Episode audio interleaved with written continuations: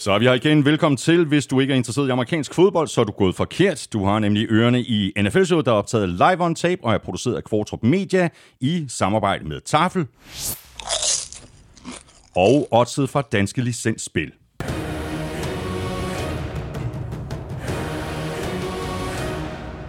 Husk, at man skal være minimum 18 år og spille med omtanke.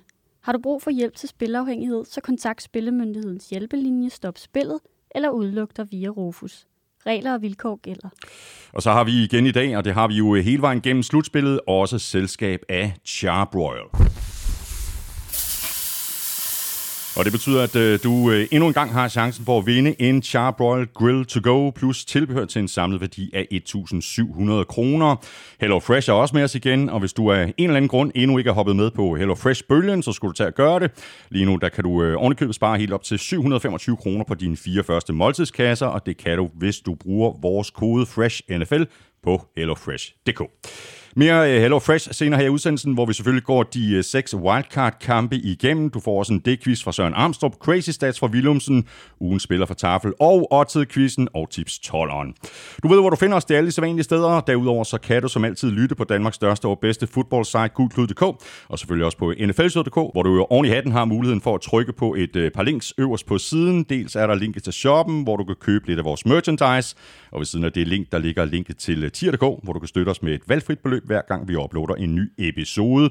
Se på det som et øh, slags øh, frivilligt abonnement, der er med til at sikre, at vi kan blive ved med at lave NFL-showet uge efter uge, år efter år. Vi er glade for, at du er med os. Tak fordi du downloader og lytter. Jeg hedder Thomas Kvartrup, og her kommer min medvært.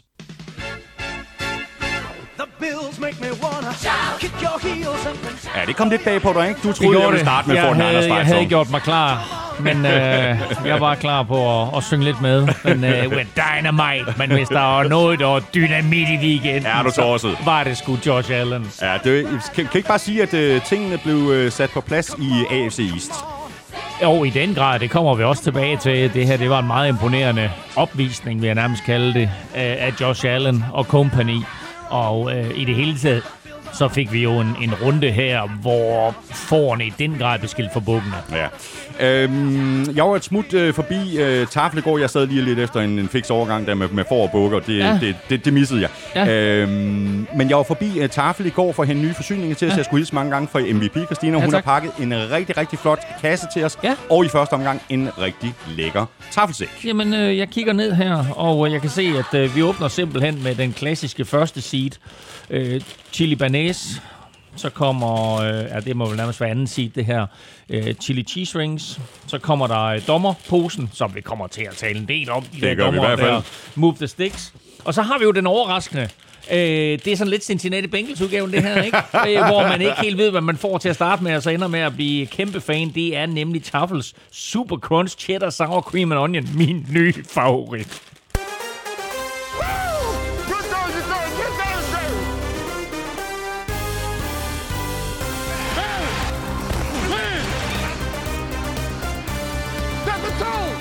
Wildcard-runden bød på et par kæmpe blowouts, men vi fik også spænding i flere af de andre kampe, der først fandt deres endelige afgørelse til allersidst.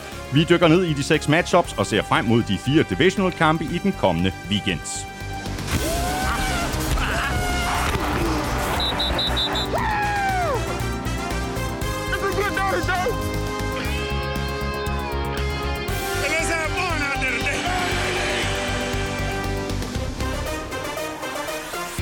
Og det kan næsten kun blive godt. Sikkert nogle matchups, vi kan se frem til. Lørdag spiller Titans Bengals og Packers 49ers, og søndag er det Buccaneers Rams og Chiefs Bills.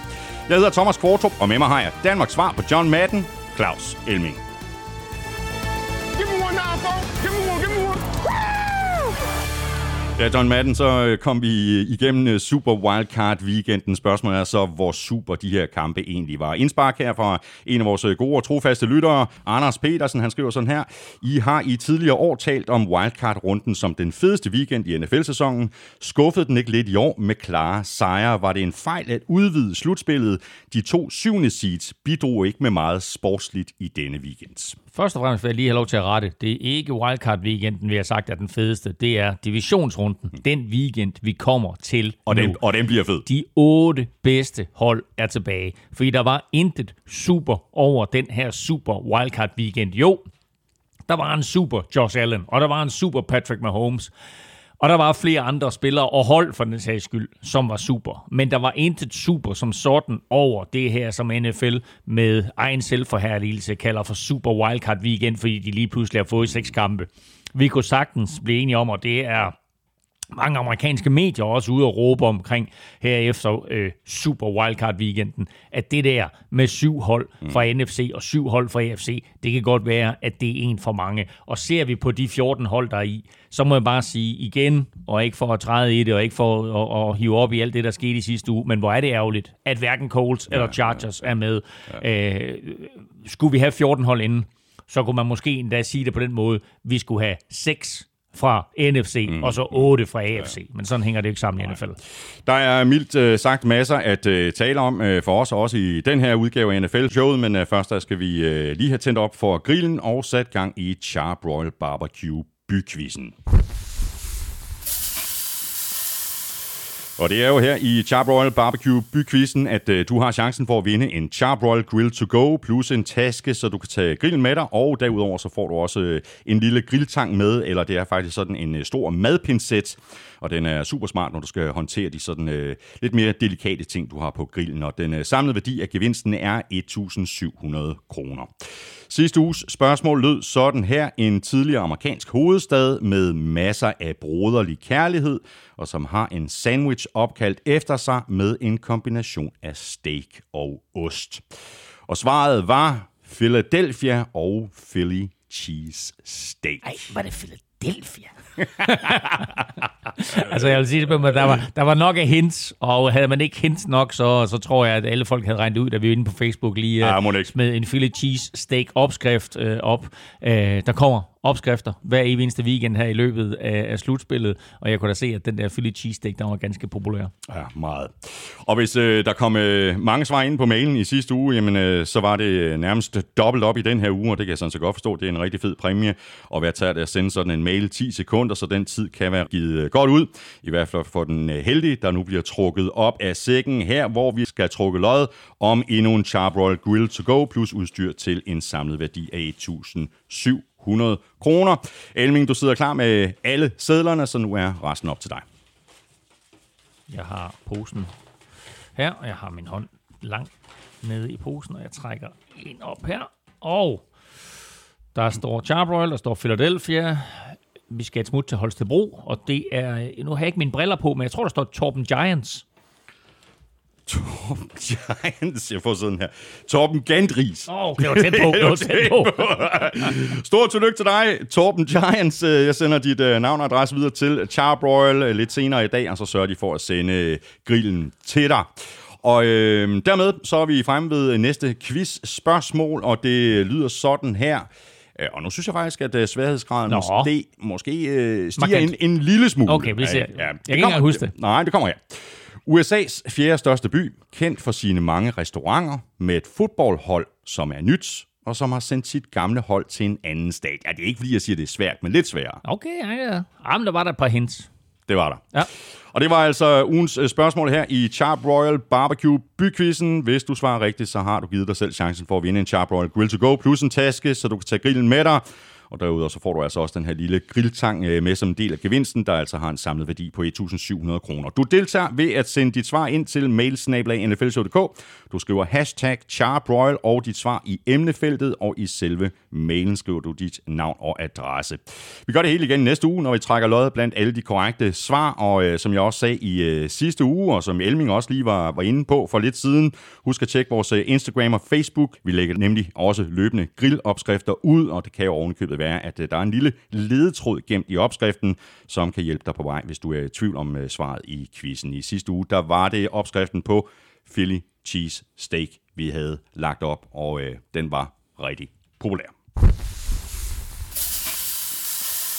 Nå, Elming, øh, lad os så bare se superkort frem mod divisional-runden i den kommende weekend. Titans, Bengals, Packers, 49ers, Buccaneers, Rams og Chiefs, Bills. Indspark her fra Mads øh, Aspil på Twitter. Er det her ikke et af de bedste divisional round lineups, vi har haft i mange år? Når man kigger på de otte hold, så er der vel reelt ikke et, der ikke kan vinde Super Bowl. Nej, og det er også derfor, at som jeg sagde før, så er det her jo nøjagtigt den weekend, som vi ser allermest frem imod. Fordi vi får de otte bedste hold, og øh, vi får nogle virkelig, virkelig fede kampe. Både kampe, som på banen kommer til at blive virkelig spændende, kan øh, gå ned til de sidste plays eller overtime, men også i historisk sammenhæng øh, har nogle øh, ret øh, fede øh, historier og øh, matchups og noget historik omkring sig, som, øh, som vi kan vende tilbage til. Øh, og så har vi jo et Bengals-mandskab, som øh, lige pludselig står der blandt de sidste otte. Altså Bengals, som inden sæsonen skulle have været prygelknappe, og alle havde forventet, at Zach Taylor skulle blive den første coach, der blev fyret. Og nu, øh, nu står de her og skal på udebane imod Tennessee Titans. Så øh, velkommen blandt de, de sidste otte. Ja. Det vender vi tilbage til. Øh, vi skal også have lavet vores øh, pick senere i udsendelsen, og så taler vi øh, løbende om de her øh, fire øh, matchups i løbet af den her udsendelse. Lad os lige tale om nogle øh, andre små ting, før vi for alvor går i gang. Elming, øh, I sidste uge, der talte vi jo om, at øh, der var rygter om øh, head coach David Collis øh, fremtid for Texans. Nu er det så ikke rygter længere. Han fik et år på posten, og øh, som vi også talte om i sidste uge, så er det lidt vanskeligt at se, hvad han kunne have gjort meget anderledes eller bedre for den sags skyld med det udgangspunkt, han havde at arbejde med. Jeg synes faktisk, det er, det er lidt urimeligt, den måde, han er blevet behandlet på, fordi det er klart, at han siger ja tak til, til det her job inden sæsonen, og øh, er selvfølgelig stolt over, at han endelig får chancen som, øh, som head coach.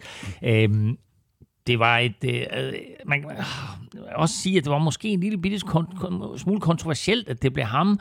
Øh, eller, ikke så meget kontroversielt, men det var den nemme løsning. Mm. Fordi det Sean Watson på det tidspunkt var så stor en figur, og brokkede så højligt over, at, øh, at der ikke var en mørk træner i spil. Og så fandt man David Colley, som sådan var halv mørk, halv hvid. Ikke? Og så blev han head coach, og så var alle glade.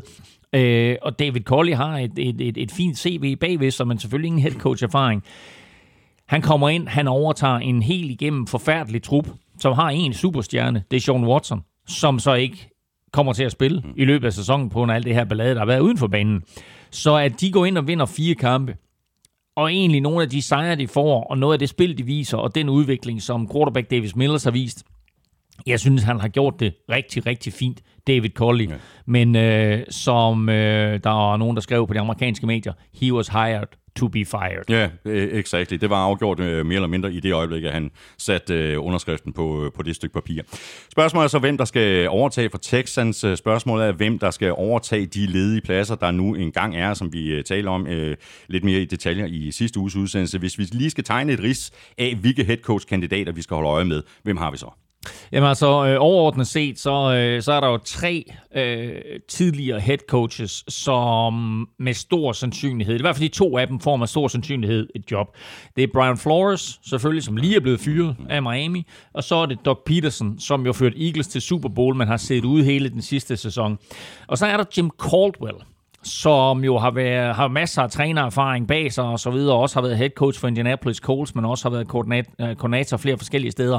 Han er altså i spil til at blive Jacksonville Jaguars næste head coach, og vil være en fyr, som øh, virkelig kan tage Trevor Lawrence under sine vinger og, øh, og gøre ham til en, en respektabel NFL quarterback.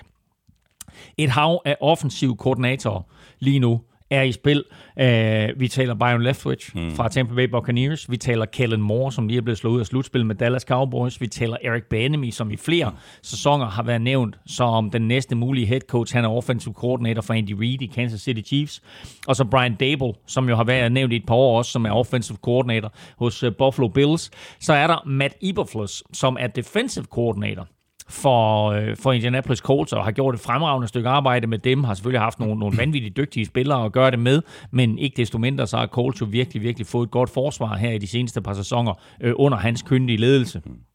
Så det er sådan lidt de store kandidater. Og så er der to kandidater fra college, som man ikke kan komme udenom. Den ene, det er Bill O'Brien. Mm. Ham nævnte vi. har offensive coordinator for, øh, for Alabama, og øh, har jo tidligere et coach-erfaring, selvom det endte øh, meget uheldigt for, for Houston Texans der. Og så Jim Harbaugh. Ja. Jim Harbaugh er i spil til at komme tilbage til NFL, og han er nævnt øh, især i sammenhæng med Las Vegas Raiders. Så øh, det, er, det er helt klart en mulighed. Han er også nævnt i forbindelse med New York Giants. Så det er ret spændende. Uh, Las Vegas Raiders gjorde jo øvrigt det i går. Jeg ved ikke, om du har noget at se det, men de fyrede jo Mike Mayock. Så, øh, Den er flået fuldstændig hen over Ja. mit hoved. Så øh, nu er head coach John Gruden væk. Det skete jo selvfølgelig løbet af sæsonen. Og så er Mike Mayock væk. så nu er, nu er, er den der wow. duo nu er den færdig i Las Vegas. Øh, så nu må vi se, hvem der kommer ind og, og bliver ny general manager, Wow. og om han så vil have sin egen head coach, eller han lader Rich Bisaccia fortsætte. Wow. Så tror jeg, vi talte øh, lidt om øh, Pete Carroll så sent som i sidste uge. Han er så tilbage øh, som head coach for Seahawks endnu en sæson i hvert fald. Det er så ikke sikkert, at Russell Wilson er tilbage. Øh, Pete Carroll havde, som vi beskrev i sidste uge, et møde i den her uge med ledelsen for Seattle Seahawks, og alt peger på, at han bliver som head coach for, øh, for, for klubben. Til gengæld så har Russell Wilson været ude, og hans team har været ude og sige, at de vil explore their options. Og øh, om det betyder, at det er sådan, at de lige skal se, om der er et trademarket, eller han kan komme et eller andet sted hen til en klub med Super Bowl-aspirationer. Øh, Det må vi se, eller det er bare et, et spørgsmål om, at øh, han på en eller anden måde skal lægge lidt pres på Seahawks. Men øh, altså, indtil videre, så, øh, så er han ikke sådan 100% øh, committed til, øh, til, til, til Seahawks. Øh, jeg helt ærligt, jeg forestiller mig, at han spiller i Seahawks til næste år. Men altså, det men, kan gå men, i alle retninger. Ja, men hvis han ikke gør det, hvad ja. med Steelers? Kunne det ikke være et frisk bud? Der er flere forskellige muligheder. Øh, men Steelers, Steelers er et rigtig godt bud, øh, bortset fra, at man kan sige, øh, de, skal, de skal begynde forfra. Altså skal de have, skal de have en rutineret kraft som, som Russell Wilson ind, som trods alt har passeret de 30, øh, eller skal de forsøge at få en ung quarterback ind? Øh, jeg ved godt, jeg har godt hørt det der med, at, at de er interesserede, men altså, han kommer også til at koste øh, i hvert fald to høje draft picks, eller et højt draft pick og et mellem draft pick, og, og spørgsmålet er, om, om Steelers de er interesseret i at, at investere så meget i ham. Så fortalte du lidt om øh, college-finalen i sidste uge. Øh, Nu har øh, wide receiver Jameson Williams, han har tilmeldt sig draften. Det er lidt interessant, fordi han blev knæskadet. Og øh, vi havde jo ikke den endelige dom over ham i sidste uge. Han er rigtig, rigtig dygtig receiver, øh, Jameson Williams, og han bliver knæskadet i den her finale mod Georgia, må udgå, øh, løber lidt på sidelinjen, men det viser sig altså, at det er en korsbåndsskade, og det er altså imponerende nok, at han løb lidt frem og tilbage der på sidelinjen med, med en korsbåndsskade. Han skal selvfølgelig opereres. Og som jeg også sagde sidste uge, hvis det var en korsbåndsskade, det er altså det er øh, slået fast nu, og det er det, så er han jo tidligst tilbage, tidligst tilbage i oktober. Og han melder sig til draften. Og så er spørgsmålet jo, om der er et hold, der tør tage en chance på ham i første runde. Vi har set hold gøre det her med at tage chancer på, på spillere i første runde, og faktisk har det flere gange givet bonus. Tennessee Titans har gjort det, Buffalo Bills har gjort det. Så spørgsmålet er, hvornår Jameson Williams han bliver taget, hvem der tager ham, og hvor højt han bliver taget. Vi skal have quizzen! Oh. Det er tid til quiz, quiz, quiz, quiz, quiz. Ja, det bliver øh, rigtig spændende at øh, følge med i, og jeg glæder mig allerede så småt til, at vi skal i gang med at forberede øh, draft, men vi skal jo lige igennem noget March Madness øh, også først. Og vi skal lige igennem nogle playoffs også. Exakt. Men der er mange ting at, Der at se frem uh, til. er du.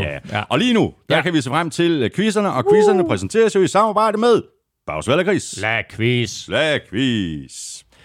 Jamen, øh, vi lægger ud med øh, en quarterback, der tabte i weekenden, nemlig Eagles quarterback Jalen Hurts. Han førte faktisk grundspillet i år i NFL med 10 løbetouchdowns, flest af alle quarterbacks øh, i NFL. Men ham jeg leder efter, han er nummer to på listen. Og jeg vil fortælle dig, at han er den eneste quarterback, der har løbet syv touchdowns ind i de seneste to sæsoner. Hvem er han? Uh, jeg skriver lige et uh, hurtigt... Ja. Mm, ja, men ved du hvad, nu, nu har jeg skrevet et bud ned, Ja. og så trykker jeg på den her. Can't do it. Fordi nu er jeg rigtig meget i tvivl, nemlig. Så den eneste quarterback, der har løbet syv touchdowns ind i de seneste to sæsoner. Hvem er det? Godt. Og det er NFL. Korrekt. Dejligt. Nå, godt. Øh, så får du øh, det quizzen her fra Søren Armstrong, og den handler om Bills og Bill. Bills Patriots tabte til Buffalo's Bills. Bills forsvar kunne ikke hamle op med Bills angreb. Bills Josh udspillede Bills Mac fra Bills sack til Bills Mac attack. Bills angreb scorede 17 mod Bills forsvar, men Bills Josh og Bills angreb var bare mere klar. Bills og Patriots stolthed blev ramt. Hvornår vandt de sidst en slutspilskamp? Okay, jeg vil sige det på en måde, at jeg er sikker på, på skrift, der giver den rigtig god mening, for der er en masse apostrofer, man kan se der. Man skal godt nok holde ørerne stive her for at følge med. Det skal man, men det fede ved sådan en podcast, det er, at Ja. man lige kan spole 15-30 sekunder Ja. ja. øh, tilbage, og Ja. så tage den eventuelt i slow motion, så lyder det også helt tosset, ikke? Nå, hvornår vandt Bills sidst en slutspilskamp? Nej, Patriots. Nej. Nå, Patriots. Hvornår de sidst vandt en slutspilskamp? ja. Okay, interessant spørgsmål. Godt. For ellers øh, var det jo øh, forholdsvis nemt spørgsmål. Det var jo her i weekenden, at Bills de vandt deres sidste slutspilskamp. Nå, men det kunne være før det jo. Åh, men ja, de ja, vandt jo også ja. en sidste år. Øh, nå. Jamen, øh, Patriots og godt på, så skal jeg jo til at tænke tilbage jo. Godt, jamen det er fint. Tak. Jamen, øh, selv tak. Ja. Ladies and gentlemen, this is the NFL playoffs, and this is Monday Night Football for the thousands in attendance and the millions watching around the world. Uh, let's get ready to rumble!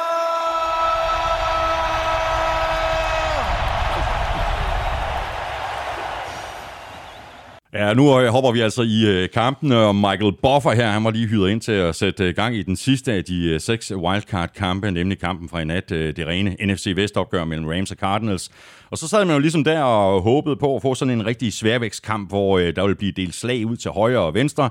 Sådan gik det så ikke helt. Rams de førte 21-0 ved pausen, vandt med 34-11, og de to første angrebsserier, Elming, de var et meget godt udtryk for, hvordan den her kamp den vil gå. Det vil jeg sige. Altså, øh, jeg synes jo egentlig, Cardinals kom ud med en frisk idé, nemlig at de kom ud i no-huddle. Øh, og så lagde de så omgående ud med en, øh, med, med, med en træer ud. Og det var ligesom meget symptomatisk for, hvad der skulle ske i den her kamp for øh, Cardinals. Øh, måden, de gik tre ud på, var også helt forfærdelig. Altså, de kører en øh, screen, som går i skud og mudder, og så på tredje down, der er, der er Kyler Murray, der er han upræcis. Cardinals, de med Ponte, og så på Ramses allerførste angrebsspil, der løber Sony Michel 35 yards op gennem midten. Og det viste meget godt, hvor den her kamp den skulle gå hen af øh, i løbet af de næste 60 minutter. Øh, Andrew Whitworth, øh, deres super tackle, der Rams blev øvrigt småskadet på det første play, der, men han kom heldigvis tilbage, selvom han sådan småhumpede sig gennem resten af kampen.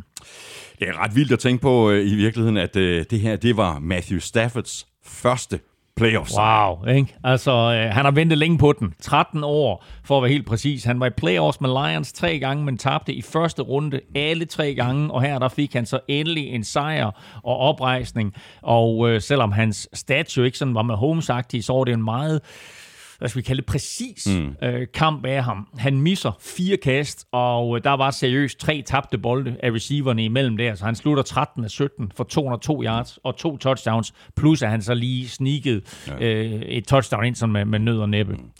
Cam Akers øh, kom jo tilbage fra sin øh, akilleskade allerede i forrige uge. Nu har han så øh, fået endnu en kamp i benene øh, og mixet med ham, og, og Sony Michel gør vel bare det her angreb øh, endnu farligere, når det bare er Sony Michel. Sådan et øh, tohovedet monster, og, og de fik så øh, 113 yards til sammen på 30 løb i den her kamp.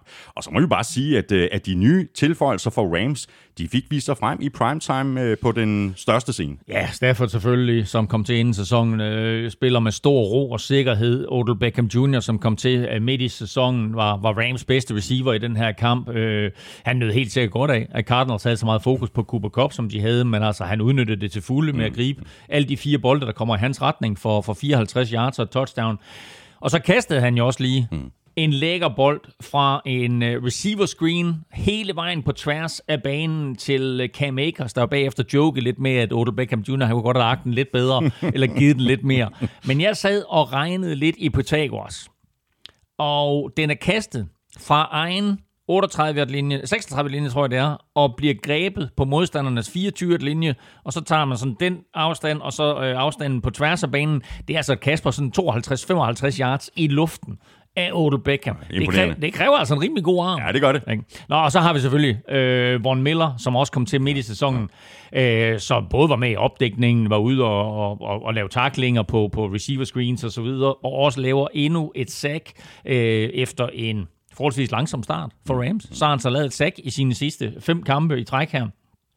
Øh, og sidst, men ikke mindst, øh, så skete der jo det i ugens løb, at øh, safety Eric Weddle, gode gamle Eric Weddle kom ud af pension, fordi Rams var ramt af skader på safety. Øh, han spiller faktisk næsten hele kampen og gav både øh, noget, noget rutine og noget sikkerhed i de bagerste geleder. Rams styrede øh, jo simpelthen bare den her kamp. Øh, ikke bare på angrebet, øh, og heller ikke bare på forsvaret, men også på special teams. Ja, det synes jeg, de var. Det, det, det var faktisk, altså, det var en meget ensidig ja, det var det. affære, det her. Og det var det jo nærmest fra første fløjt, at de her to hold, de har mødtes to gange i sæsonen i to forholdsvis tætte kampe, mm. hvor øh, udeholdet vandt dem begge. Her der var hjemmeholdet totalt dominerende. Øh, angrebet havde bolden i øh, små 36 minutter og vandt 375 mod 183 i yards. Altså over dobbelt så mange yards. Forsvaret holdt Cardinals til minus 9 yards ind til midt i anden kvartal. Øh, de holdt dem til 0 for 9 på tredje down. De vandt 2-0 i turnovers. Og øh, med hensyn til special teams, så er rookie, ikke rookie, men ponder, øh, Johnny Hecker, jo ikke i Pro Bowl i år, men hans punts gav konstant Cardinals bolden i dårlige positioner. Altså bortset fra touchbacks på kickoffs, så startede Cardinals deres drives på 9'eren, 1'eren, 13'eren, 10'eren, 14'eren ja. og 9'eren igen så er der altså langt til point, især når man nærmest er presset på ja. samtlige plays. Ja, præcis, og Kyler Murray, han havde det i den grad øh, svært. Han var under konstant pres, og den der pick 6, var jo bare forfærdelig. Ja, altså øh, godt nok så var Ramses pres ubønhørligt, og deres pass rush var meget disciplineret, så Kyler Murray havde svært ved at stikke af, men derfor må du stadigvæk ikke lave så katastrofal en brøler fra en endzone. Øh, samtidig så skal dit indre ur jo, det, det, det har de bedste quarterbacks, de har det der indre ur, der skal dit indre ur altså fortælle dig, at når du står med i egen endzone, øh, så er der altså tid til at slippe bolden. Men... Øh, Øh, i stedet så, så øh, når presset ind til ham. Murray går lidt i panik for at undgå en safety og får kastet, eller sådan nærmest vippet bolden lige ud på den anden side af mållinjen, hvor David Long scorer karrierens nemmeste touchdown. Øh, han griber bolden på linjen og kaster Lund ind i endzone til en øh, 20-0-føring. Øh, det var i øvrigt NFL's historiens korteste pick 6, altså en interception for touchdown, øh, på de her kun tre yards. Det var den korteste i playoff-historien i, øh, i, ja, i al den tid, der har spillet playoffs i NFL. Og så var øh, J.J. Watts øh, tilbage for Cardinals. Det hjalp så ikke ret meget på sagerne på forsvaret. Og de kunne jo dybest set ikke stille noget op. Nej, det var selvfølgelig fedt for, for både ham og for Cardinals, at, at, øh, at han var tilbage, J.J. Watt, øh, og at han kom tilbage fra sin skulderskade. Øh, og selvom han spillede en fornuftig kamp, så kunne hverken han eller Cardinals stille noget op. Øh, Rams havde flere store løb med øh, Sony Michel og Cam Akers, der havde henholdsvis 58 og 55 yards i kampen. Øh, Cardinals havde naturligt nok fokus på at tage Cooper Cup ud af kampen, men øh, det var rutineret Matthew Stafford jo ligeglad med, og så kastede han i stedet for bolden til Odell Beckham Jr. og Tyler Higby, og så havde Van Jefferson jo øh, traditionen tro også lige et enkelt dybskud. En bold grebet, 41 yards, god præcision igen fra Stafford, og øh, øh, alt hvad, alt hvad øh, Ramses angreb foretog sig, det havde Cardinals forsvar nærmest ikke et modsvar mod. Cardinals var jo det sidste ubesejrede hold i øh, 2021-sæsonen. Øh, sæsonen sluttede så meget skuffende for dem. Øh, ikke kun i den her kamp, men sådan helt generelt. Ja, du må sige. Prøv, de, de åbnede sæsonen 7-0, og der var snak om Super Bowl, og der, Kyler Murray skulle være MVP og så videre. De var også 10-2. Men øh, så blev DeAndre Hopkins skadet. De tabte fem af deres sidste seks, og øh, det er vildt, at på et hold med så mange playmakers, der kunne en mand skade ændre hele udtrykket for holdet. Øh, angrebet gik principielt fuldstændig væk fra, fra fem receiver sæt. De skar ned på deres fire receiver sæt, så de i stedet for kørt mere det, der hedder 11 personnel, altså en running back og en tight end, eller også kørt de double tight end sæt. Øh, deres red zone angreb led også mm. øh, under det her. De har scoret 30% færre touchdowns i red zone efter DeAndre Hopkins. Han blev skadet. Men det må også falde tilbage på øh, Cliff Kingsbury, det her, ikke? Og, og, og, det, og det gør det også. Og altså... Øh, jeg vil ikke sige så meget pressen, men fansene har altså, altså øh, vendt rundt på en tallerken ja, fra, ja. At, at ham og Kyler Murray, du ved, det var match made in heaven, mm. så er de parat til at, at fyre ham på gråt papir nu. Øhm, det her var den første playoff-kamp for Cliff Kingsbury, og det var den første for Cardinals siden 2015. Men den endte, den endte ikke bare med et nederlag, altså de blev kørt over og ydmyget. Mm. Uh, J.J. Watt, han kaldte efter kampen sæsonen for en massive failure. Øh, og så lige en bekymrende afslutning i øvrigt. Safety Buddha Baker blev kørt for banen på en bord med en nakkeskade. Vi øh, krydser fingre for, at, ja, at han er okay. Ja.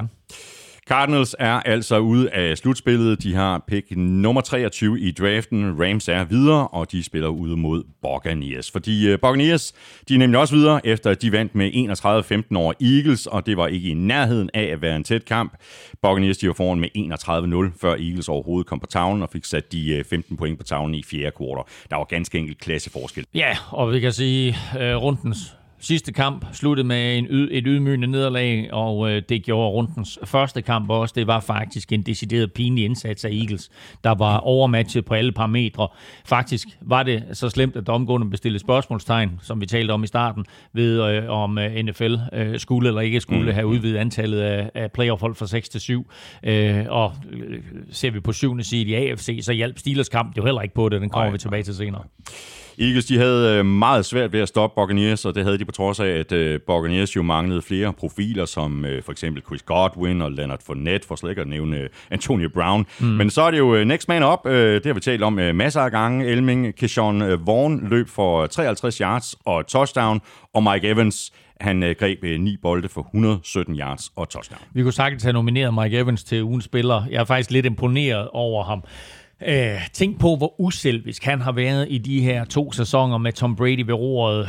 Ingen brok har bare øh, accepteret sin rolle på holdet, enten det var fire catches eller 10 catches, eller som i sidste års Super Bowl, hvor han griber en enkelt bold. Ikke? Øh, men Godwin er skadet. Øh, Antonio Brown er væk. Og så er Mike Evans pludselig blevet go-to-guy igen, og her der stepper han op med, øh, med ni catches, over 100 yards, øh, et, et par virkelig, virkelig, virkelig lækre ruter imellem, ja, god kemi ja. mellem ham og Tom Brady, og så krydder han det lige med et touchdown. Ja. Og for øh, Brady, det er ikke til at se meget let ud nogle gange, eller næsten hele tiden. Altså, han blev godt nok sækket fire gange, men 29 af 37 for 271 yards og to touchdowns. Og nok så bemærkelsesværdigt, så fordelte han altså bolden til hele ni forskellige spillere. Altså, den gamle, han kan stadig, ja, ikke? Det, det kan han. Øh, og hans tidligere holdkammerat, Matt Castle, som jeg overtog, mm. altså quarterback, som jeg overtog for, for Brady, da han blev skadet der tilbage i 2008. Han uh, skrev altså et meget sjovt tweet, hvor han skrev, øh, jeg havde regnet med at skulle fortælle mine børnebørn om Tom Brady, men med det niveau, han holder, så kan de snart opleve ham selv.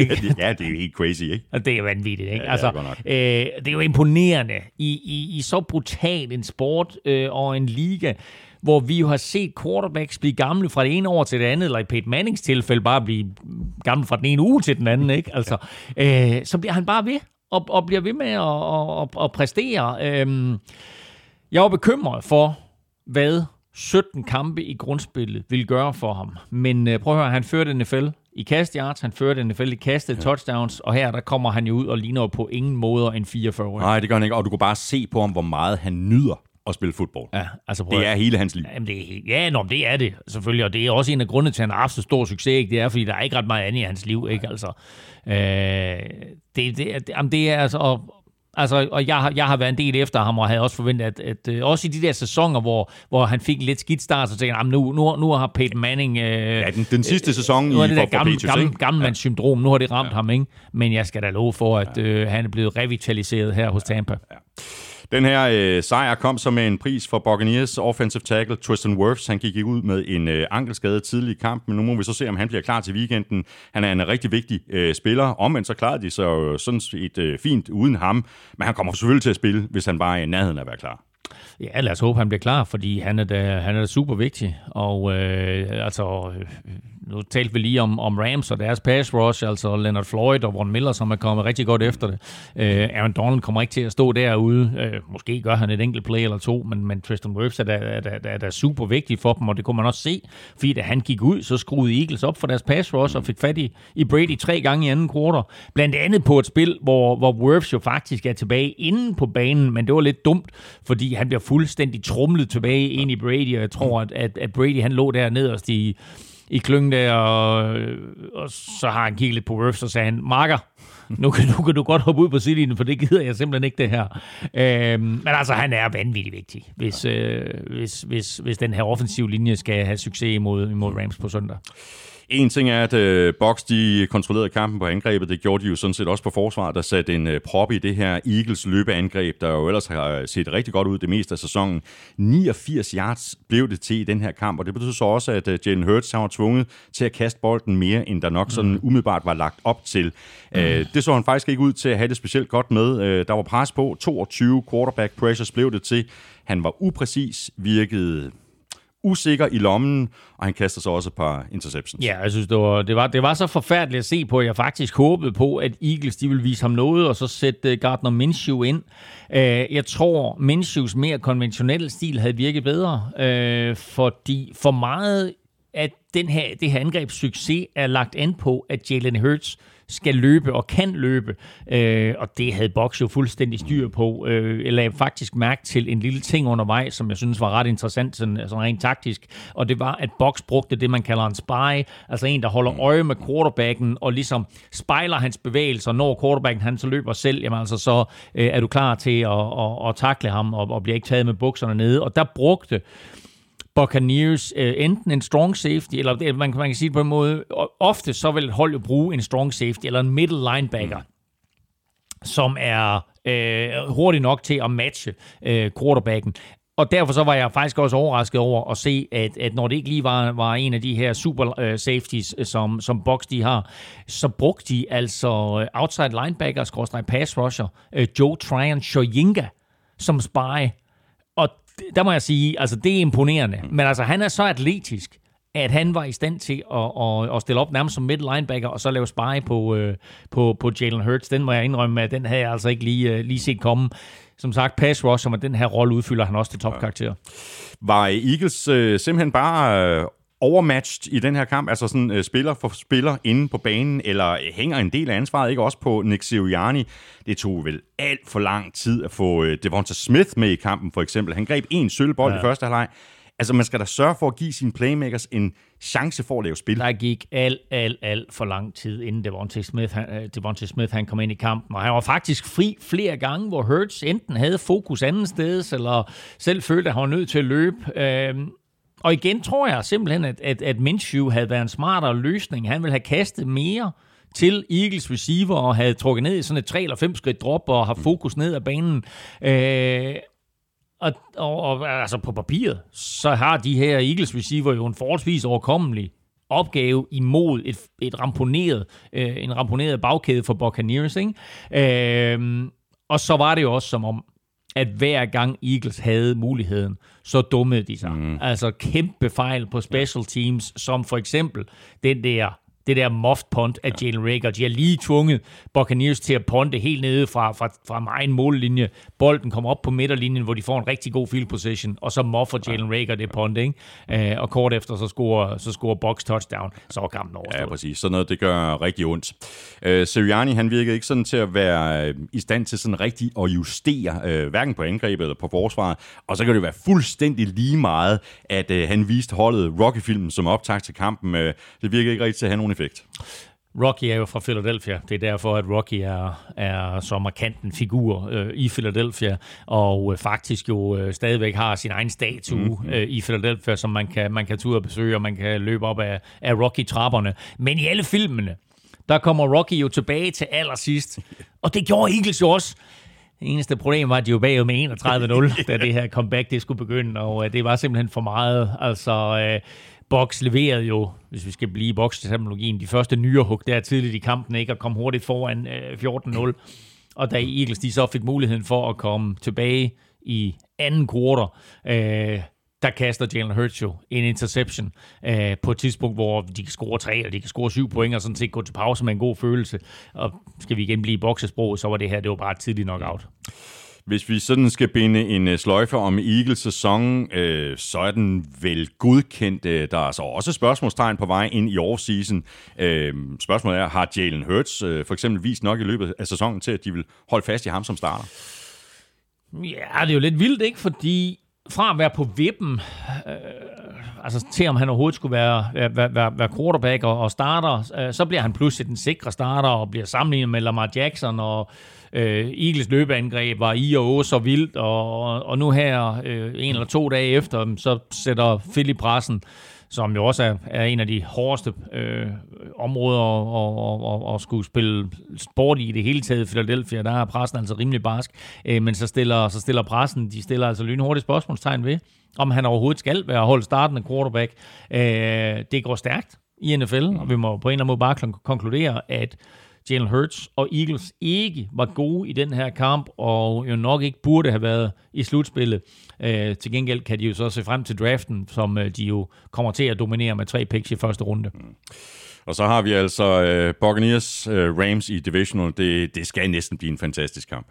Det skal det. Og altså, der er jo sådan en lille sidehistorie, som selvfølgelig hedder, at øh, Rams og øh, Buccaneers Rams og ikke Buccaneers, men Rams og øh, Tom Brady jo mødtes i Super Bowl, og øh, den, øh, den lille sidehistorie der øh, skal der nok blive kogt en del suppe på.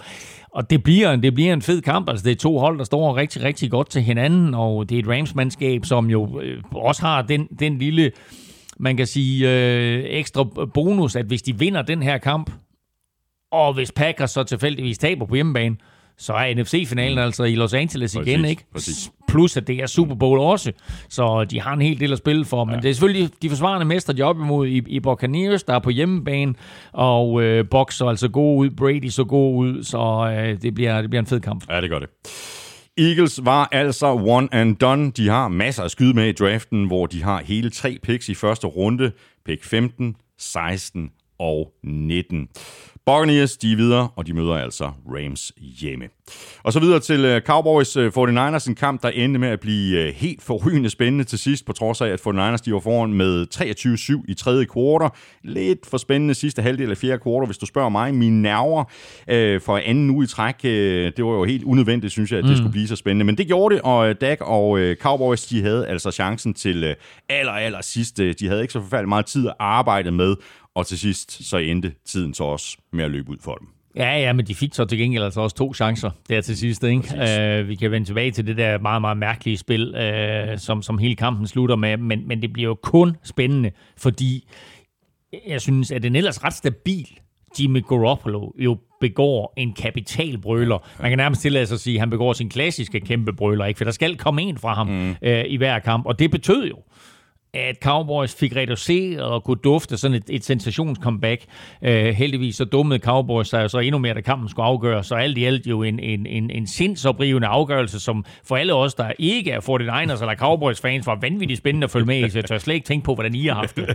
jeg havde det helt, helt... Øh, jeg skulle lige til banden. Jeg havde det, jeg havde det skrækkeligt.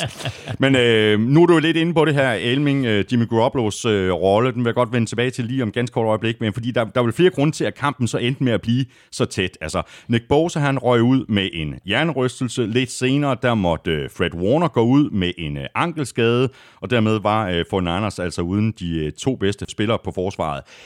Men den egentlige årsag til, og det er den, du har øh, taget hul på, det er Jimmy Garoppolo. Øh, ikke fordi jeg vil give ham skylden, men alligevel.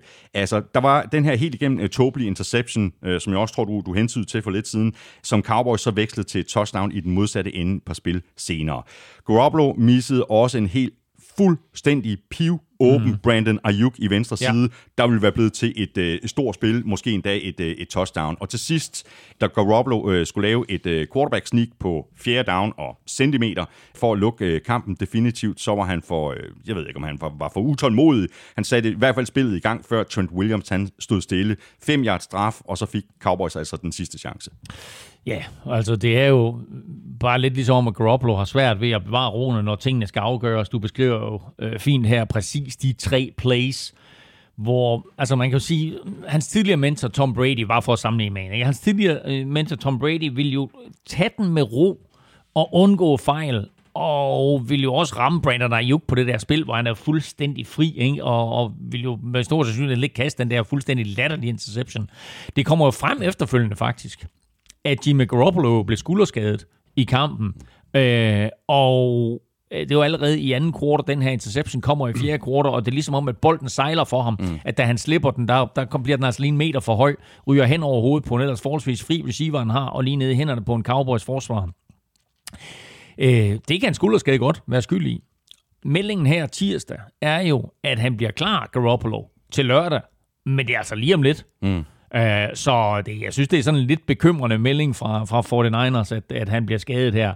Uh, men altså, Jimmy, Jimmy G, uh, han begår fejl, han misser åbne receiver, og det er egentlig den eneste grund til, at Cowboys kommer tilbage i den her kamp, for ellers synes jeg, at 49ers var ganske suveræne i hele opgøret, og selvfølgelig fortjent trækker sig ud af den her øh, kamp med en sejr, men til gengæld også altså en meget, meget skuffende. Øh, nu har vi talt om Eagles, som leverede en pinlig indsats. Vi har talt om Cardinals, der leverede en pinlig indsats.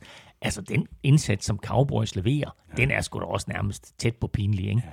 Og den øh, vender vi tilbage til, og også mulige konsekvenser i forhold til øh, headcoachen, der er kommet adskillige lytterspørgsmål i den forbindelse. Lad os lige øh, holde os en lille smule længere til 49ers, fordi de, øh, som, som du også ja, er inde på, Elming, de sad jo på det meste i de tre første quarters. Øh, de lagde ud med en imponerende angrebsserie, der resulterede i touchdown og en 7-0-føring. Og det var først, da stillingen var 13-0, at Cowboys overhovedet rigtig kom i gang angrebsmæssigt. Forholdsvis tydeligt, at uh, Shanahan uh, ikke skulle nyde noget af at komme bagud med mm. 17-0 som mod Rams. Uh, Cowboys de havde meget svært ved at stoppe løbet. Både Elijah Mitchell og Debo Samuel havde en fest med samlet 168 yards på jorden og et touchdown værd. Øh, spørgsmål her fra øh, Lasse Grenvald, øh, som i øvrigt også er 49er-fan. Øh, han skriver sådan her, hvorfor lykkes Niners så meget bedre med deres løbespil end Dallas? Under kampen lagde jeg mærke til den kæmpe forskel i produktivitet for holdenes running backs. Og da I vel ikke påstår, at Mitchell er en bedre spiller end Zeke, hvad er så hemmeligheden? Begge hold har jo rigtig gode O-lines og offensive spilkaldere. For det første vil jeg sige, jo, Elijah Mitchell er lige nu en bedre spiller end øh, Ezekiel Elliott. For det andet så er hele 49ers system bygget op om den her evne til at løbe bolden. Øh, måden, som 49ers offensiv linje blokerer på, er helt anderledes end den måde, som Cowboys offensiv linje øh, blokerer på. Cowboys offensiv linje er baseret på simpelthen bare at skabe nogle huller øh, og være øh, stærkere øh, og få flyttet øh, forsvaret øh, ned ad banen og ud af hullerne. 49ers system er baseret på det, man kalder zone blocking, er også baseret på, at en spiller eller to på forsvaret tager fejl af, hvor bolden egentlig går hen. Og det så vi på et par tidspunkter, og jeg lagde også mærke til på et par tidspunkter, at Normalt så kører man nogle spil, der hedder misdirection, hvor man måske har en spiller til at gå i en retning, og så kommer bolden sådan set i en anden retning. Øh, og det lagde jeg mærke til, at 49ers gjorde, men de gjorde det sådan set med den spiller, som fik bolden. Mm. Fordi første gang, hvor jeg ser Debo Samuel få bolden og gå i mod venstre side, og så plante hårdt og komme tilbage i højre side, der tænkte jeg, hold kæft, hvor er det godt set af ham, at der er hul derovre. Indtil de kørte præcis det samme spil, den modsatte retning. Senere i kampen tænkte jeg, gud, det er designet på den måde der. Og det er simpelthen et spørgsmål om, at du siger, hvis vi nu kan lokke den defensive end, øh, derfra, hvor, altså der, hvor bolden kommer hen, hvis vi kan lokke ham op af banen, så bliver der et hul der. Og det er sådan nogle små ting, som det her angreb kan, og som jo er bygget op igennem efterhånden årtier, og som startede med øh, hans far Mike Shanahan og den måde, som han og, og han havde en offensive line coach, der hed, hed Alex Gibson, tror jeg, som, øh, som, som, som, som coachede den her offensive line, startede helt tilbage med Denver Broncos, og måske endda før det med, med, øh, med Mike Shanahan, da han tidligere var hos 49ers. Men især hos Denver Broncos så vi det. Det her system er bare udviklet, og det er også derfor, at, at Shanahan havde så stor succes hos Atlanta Falcons, og nu, nu ser vi Fort Niners have succes med at løbe bolden her. Mm. Vi så ikke uh, fodbold sammen i søndags, så vi fik så sendt lidt uh, sms'er frem og tilbage undervejs, og, og hvis det ikke var Go Roblo, vi sad i sms'er om, så var det Debo Samuel. Han er altså en, uh, en playmaker, både som receiver og som, uh, som running back. Han er nærmest definitionen på OW offensive weapon. Ja, jeg tror næsten, det var Kyle Shanahan, der opfandt den terminologi, øh, OW, men det var vist mere til Kyle Juszczyk, ja, var det ikke? Uh, men jeg synes faktisk, det passer bedre på, uh, på Debo Samuel, som igen bare viser en fabelagtig evne til at lave store spil. Altså, hans kombination af fart, evnen til at, at læse spillet, acceleration, råstyrke for en sags skyld, uh, og så det her Shanahan-system, som vi lige gennemgik, det er bare match made in heaven. Uh, Debo har i alt 13 boldberøringer for 110 yards, og touchdown, øh, og kunne sagtens have været et emne til ugens spiller, hvis vi ikke lige havde kørt det her quarterback-tema. Så lad os tale øh, Cowboys, fordi øh, den her indsats, den kan øh, Mike McCarthy ikke være tilfreds med. Cowboys, de begik alt for mange fejl. 14 flag, for 89 yards, og mange af de her penalties, det var jo det var helt unødvendige, alle de her pre-snap øh, penalties, de bør altså kunne undgås, eller de skal undgås. Ja, det var, det var en skændsel. Altså, head coach Mike McCarthy gjorde ikke noget for at skjule sine frustrationer på sidelinjen, så der, der, der, var, der var flere tåbeligheder imellem. Altså den der situation, hvor de jo først tager røven på 49ers med et fake punt, og så af uvisse årsager lader puntholdet blive på banen, inden de skifter angrebet ind, og så ikke når at snappe bolden og får en delay game. Altså, hvem har udtænkt det scenarie? Øh, altså, jeg, jeg, jeg sad bare og måbede, og øh, McCarthy brugte vist F-ordet for, for åben skærm. Øh, og så hele afslutningen. Med det der øh, quarterback-løb, med 14 sekunder igen, som både Dak og Mike McCarthy er ude at sige, at, øh, at de er trænet og så videre, det ikke burde være noget problem. Øh, men hvor Dak måske kommer til at løbe lidt for langt, ikke smider sig ned i tide, og så når Cowboys ikke at snappe bolden igen, fordi dommerne skal ind og markere bolden. Du kan ikke, du kan ikke lade din center eller quarterback lægge bolden ned. Her der skal du altså være klog nok som quarterback til lynhurtigt lige at stikke bolden i hænderne på dommeren, og så sige, spot den her. Ikke? Men Dak forsøger at spotte den selv. Mm. Det må han naturligvis ikke. Umpiren skal hen og spotte bolden. Og der er en lille interessant øh, note her også, og det er for at beskytte umpiren, som jo nogle gange blev løbet over af running backs og diverse øh, receiver i krydsningsruter i gamle dage, fordi han stod inde i midten af forsvaret. Så får en, ja hvad er det, er det otte år siden, eller måske mere end da, der rykkede man jo umpiren over på den offensive af bolden, side af bolden, sådan så refereen og umpiren, de to dommer, øh, man kalder dem de to hoveddommere, øh, begge to står på den offensive side af bolden. Før der stod manden med den hvide hat, refereen, der stod han på den offensive side af bolden, umpiren stod på den defensive side af bolden. Der står han ikke længere. Og det betyder, at han stiller altså op 10 yards bag quarterbacken. Og øh, Dak løber en del stærkere end sådan en, en 62-årig umpire der. Så øh, han kommer jo, øh, jeg vil ikke kalde det sprintende, men, men lunden er så hurtigt, som han nu kan, øh, op til line of scrimmage. Og han skal altså også nå op på de der 14 sekunder. Og det gør han ikke. Øh, også fordi det er sådan, at han skal forbi Dak, og så skal han gennem den offensive linje, og så skal han røre ved bolden og, og lægge den ned, rigtig, lægge den på det rigtige spot. Cowboys har også spottet den på, på et forkert sted. Ikke at det betyder noget, for de må slet ikke spotte den. Men alt det der, ja. ikke? det er jo en katastrofe. Og det kan godt være, at de har trænet det. Men har de så også trænet det med dommeren? Har de, har de husket at få den del med ind i det? Øh, så det var et fuldstændig vanvittigt spil. Øh, og jeg synes bare, altså man til, til kaotisk afslutning skal man, øh, skal man lede længe efter. Man sad jo sådan lidt uforstående og uforløst foran tv-skærmen, og jeg tager slet ikke tænke på, apropos, hvordan Cowboys-spillerne øh, har haft det. Øh, Fortnite-spillerne til gengæld, de har grinet hele vejen ned i omklædningsrummet. Spørgsmålet er, øh, Elming, om, om, om de simpelthen var, var uforberedte Cowboys, altså i hvert fald udisciplinerede, øh, og de blev jo nærmest øh, udspillet og outcoached, i hvert fald i første halvleg. Og så var der det her meget interessante skakspil, man kunne følge med i, imellem Carl Shanahan og Dan Quinn, ja. der jo kender hinanden rigtig godt fra dengang, de var i Atlanta, ja. hvor Dan Quinn var head coach, og Carl Shanahan var offensiv koordinator. Præcis, det var et meget sjovt, uh, sjovt matchup. Uh, de var sammen Quinn og, og Shanahan i den der famøse 28-3 Super Bowl fiasko mod Patriots. Uh, Kyle Shanahan var offensiv koordinator. Jeg ved faktisk ikke, hvor gode venner de er, men jeg tror ikke, at det der kollaps i Super Bowl gjorde noget godt for dem. Men øh, Shanahan fik jo sit 49ers job umiddelbart efter den Super Bowl, og Quinn blev fyret et par år efter. Nu er han defensive coordinator for Cowboys, og øh, har gjort det så godt faktisk, at han jo på en eller anden måde også er i spil til en af de åbne head coaching jobs men øh, hans forsvar havde ikke noget modsvar over for Shanahans løbeangreb.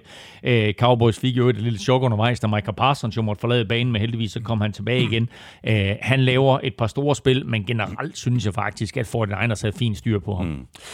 Øh, for Niners øh, forsvar, øh, jeg synes faktisk, at øh, for Niners defensiv koordinator Demico Ryans øh, kaldte en, øh, en rigtig flot kamp, måske lige på nær et par, par spil til sidst i kampen, men øh, der var der pres på øh, Dak Prescott det meste af kampen, og det gjorde så også, at øh, Cowboys kun i, i glimt øh, fik vist det her high-flying angreb, som jo har sat øh, monster mange point på tavlen i det meste af sæsonen. Dak completed 23 af 43 og kastede også en interception. Det var så ikke så meget hans skyld, øh, øh som det var et, et godt spil af, af K1 Williams. Ja, både og. Jeg synes det er en lidt dårlig bold, hvis jeg skal være helt ærlig. Altså, enten er Dak upræcis, eller også så, så lægger han den øh, på, på venstre side af receiveren, og receiveren løber en forkert rute.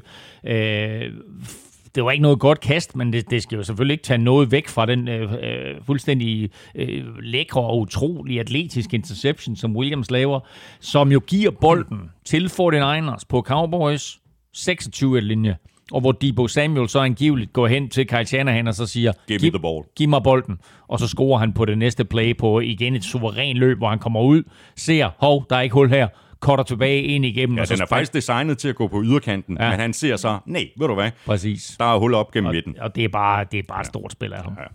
Det her det var et øh, super skuffende resultat for Cowboys. Øh, spørgsmålet er, hvad fokus skal være på i offseason. Der er, som jeg også var inde på lidt tidligere, kommet en del spørgsmål omkring Mike McCarthy.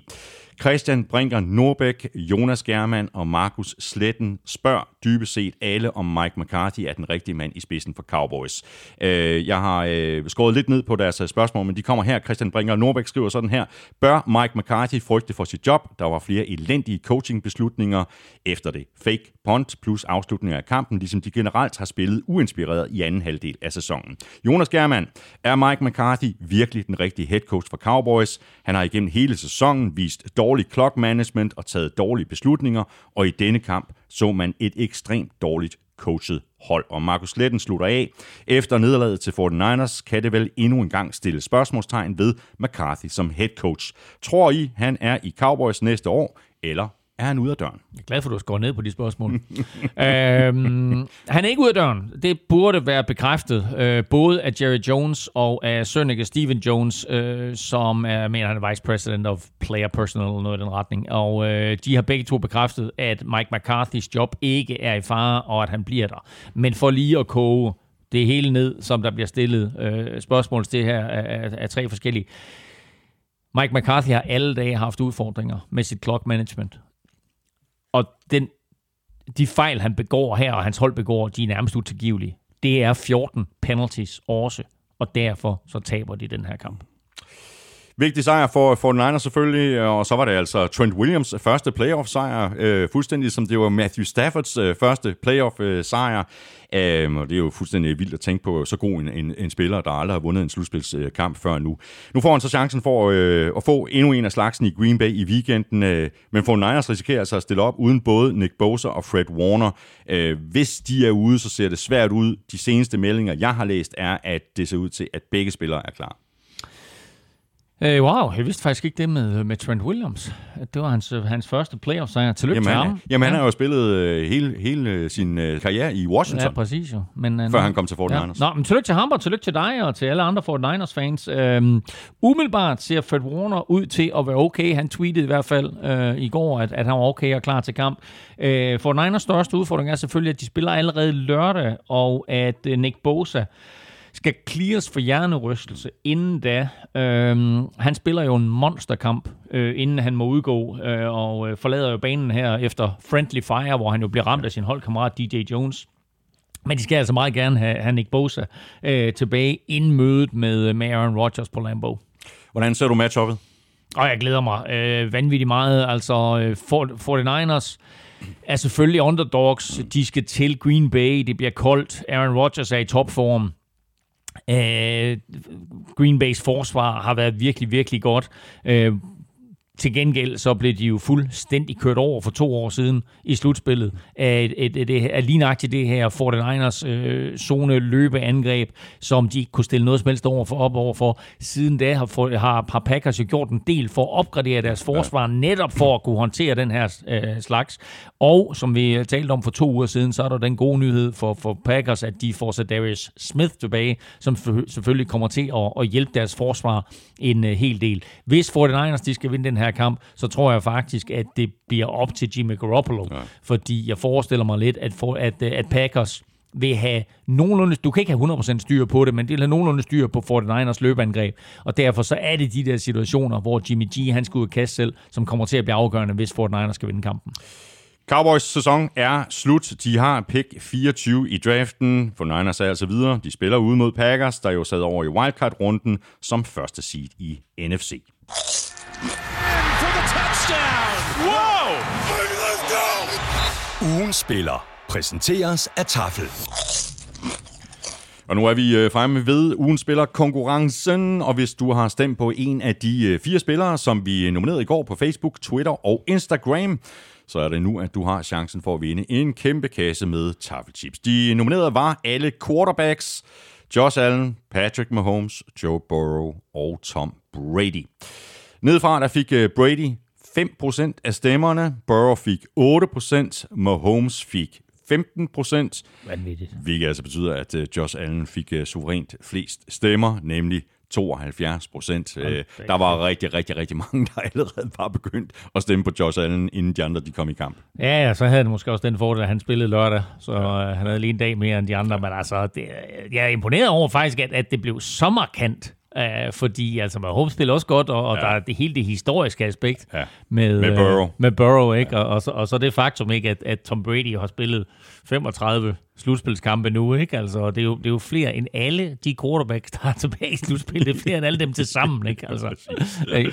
så eller ikke spillet, men vundet 35. Ja. Nå. Lad os bare få trukket en uh, heldig vinder. Uh, Elming, uh, du har adgang til Ja. uh, tafelsækken. Sæk det nummer er to. jo dig, der står for den del, fordi det er jo dig, der er. Lykkens skud ind. Vi ser, om vi kan trække en sjov en her. Vi hiver en op her. Som der står... Det sgu bare alligevel anden vejen. Åh, okay, vi skal hjem på min hjemmeegn. Nej da. Jo, meget endda. Der står Josh Allen. Og så skal vi sgu hjem på, øh, til Vildbjerg, som ligger uden for Herning. Øh, og, vi, og, og Peter han ser og tænker, er det mig? Ja, det er det sgu. Så øh, Peter Østerborg, Peter Østerby, undskyld, tillykke med en stor omgang tafel. Peter Østerby, tillykke med det. Jeg får sædlen her. Jeg sender dit navn og adresse videre til MVP Christina på tafel, og så får hun sendt øh, kassen afsted til dig. Og vi gentager kunststykket i næste uge. Elming og jeg nominerer tre eller måske fire spillere, og det gør vi mandag formiddag på Facebook, Twitter og Instagram. Du deltager ved at sende dit bud ind på mailsnablag.nfl.dk. Du skriver dit bud i emnelinjen, og i selve mailen skriver du dit navn og adresse. Og så er det jo sådan, skal jeg lige minde om, øh, endnu en gang, at vi laver en øh, ekstra lodtrækning i optagsudsendelsen til Super Bowl. Og her trækker vi lod om øh, årets officielle Super Bowl-kasket, og den har du altså chancen for at vinde, hvis du støtter os på tier.dk. Så er vi tilbage i øh, kampene, og nu er vi i øh, AFC-halvdelen, og øh, sikkert en start, vi fik på øh, slutspillet. En tæt affære mellem Bengals og Raiders. Måske ikke sådan den mest velspillede kamp, men spændende til det sidste, hvor Raiders altså havde en mulighed for at udligne, men Derek Carrs kast blev interceptet ganske kort af goal line, og dermed vandt Bengals kampen. Fortjent, synes jeg også, med 26-19, og dermed er slutspilsforbandelsen på 31 år blevet hævet. Hold det kæft, ikke? Og hvor er Joe Burrow bare en super likeable, likeable fyr, og, og den helt rigtige leder til det her hold, og for en sags skyld den her by. Øh, efter kampen, der udtrykker han jo øh, sin stolthed og glæde over, at, at forbandelsen den er slut, men øh, man siger også, at det var, hvad de forventede. Og øh, nu skal de videre mod nye og større mål. Øh, og han gør det jo ikke på sådan en hovski-snovski måde. Han gør det på sådan en måde, så hele holdet og, og hele byen er med ham. Og for den sags skyld, alle os andre, der bare godt kan lide den her, øh, den grimme Elling i, i, fortælling, som, som det her jo på en eller anden måde også er. Ikke? Mm. Og jeg, så sagde jeg lidt, øh, at at jeg ikke synes, at det her det var den øh, kønneste kamp at sidde og se på, i hvert fald ikke hele vejen igennem, og det hænger måske også sammen med, med dommerpræstationen. Øh, Det var heller ikke lige kønt hele tiden, og Bengals øh, fik måske også lidt hjælp i slutningen af første halvleg. Det var i hvert fald et øh, temmelig mærkeligt tidspunkt at bruge dommerfløjten på, og, og noget kontroversielt, at det her touchdown til Tyler Boyd øh, fik lov til at stå. Det her, det var en kæmpe brøller. Øh, og det er dommercrew, som var på banen, anført af referee Jerome Boger. De er lige så færdige i det her slutspil som Raiders.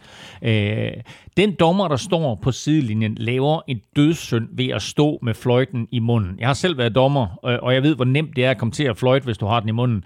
Øh, her der fløjter han jo helt tydeligt for tidligt. Øh, Burrow er ikke uden for banen, og læg mærke til jo i amerikansk sport, der er der jo det her med, at for at være udenfor, altså out of bounds, der skal du berøre noget på sidelinjen eller uden for sidelinjen. Det vil sige, det faktum er, at, at hænger du i luften, så kan du faktisk godt være en meter eller to øh, ud over sidelinjen, men ikke blive dømt ude, fordi du skal berøre et eller andet på sidelinjen.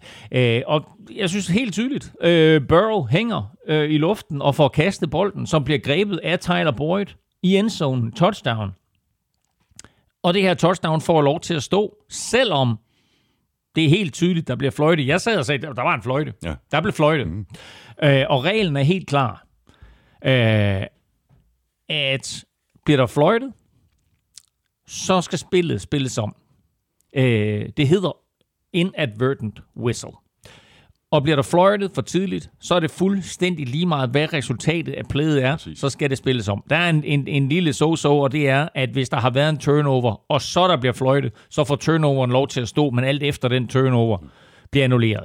Det her play skal i princippet annulleres. Dommerne går sammen, og de bliver så enige om, at fløjten var først efter. Det er helt tydeligt, at den fløjte er fløjte i det øjeblik, at Joe Burrow nærmest kaster sig ud over sidelinjen, og at der er fløjtet, inden bolden er i hænderne på Tyler Boyd. Der er jo så det med et spil, altså så kan man sige, jamen, kan det ikke ses igennem? Jo, det kan godt ses igennem, men du kan ikke lytte det igennem. Så et spil kan ikke ses igennem for lyd, så de kan altså ikke sige, ja, der var fløjten. Det kan principielt også være, hvad ved jeg, en øh, tilskuerfløjt eller et eller andet, ikke? Raiders fans og spillere, for en sags skyld, er selvfølgelig helt op at ringe, og øh, føler sig jo på en eller anden måde snydt, og det er de også i situationen, men lad os nu lige spise brød til her, fordi hvis Bengals ikke får touchdown, så er det tredje down og fire igen. Mm. Spillet skal spilles om. Så er det tredje down og fire igen, med præcis to minutter tilbage. Det var, to min- det var first play efter two minute warning. Øh, lad os bare sige, at Bengals får første down. Så kan de køre altid af klokken, og så sparke et field goal, eller score touchdown. Og så er de foran enten med 16-6, eller med 20-6.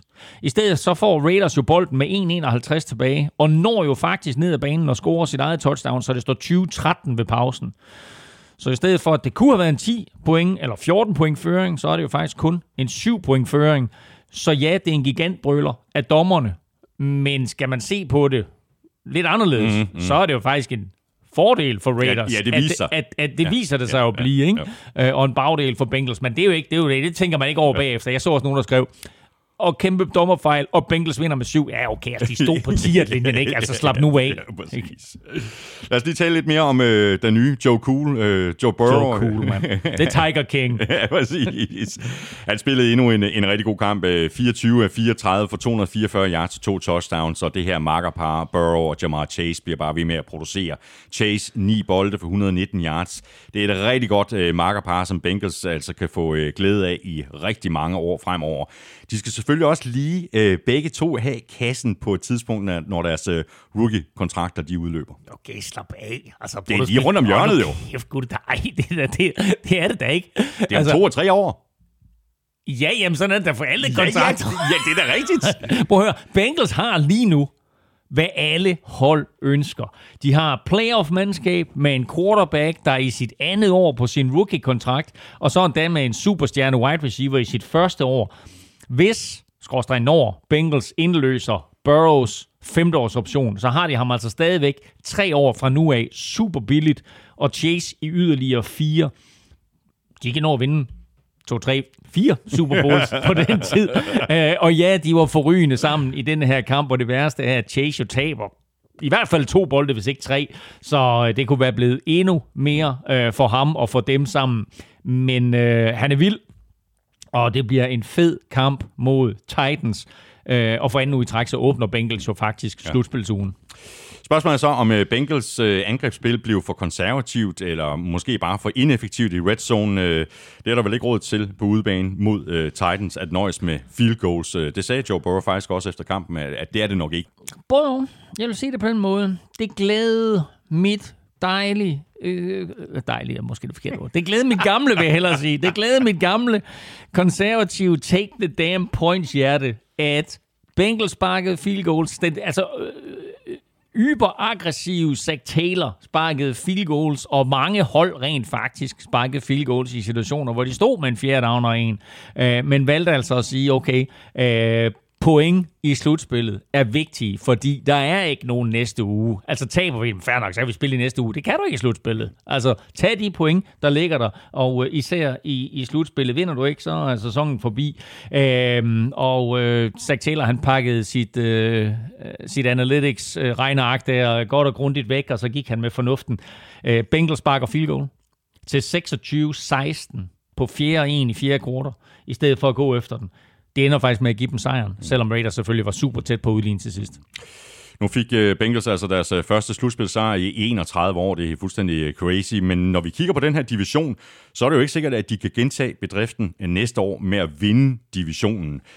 Men de er i hvert fald ikke den her prygel knappe længere. Nej, på ingen måde. Altså det her det er et godt angreb med en superstjerne quarterback, og de er godt besat på alle positioner, der skal håndtere bolden. Den offensive linje kan stadigvæk forbedres, øh, og, og, og bliver den det, så bliver de jo bare endnu giftigere.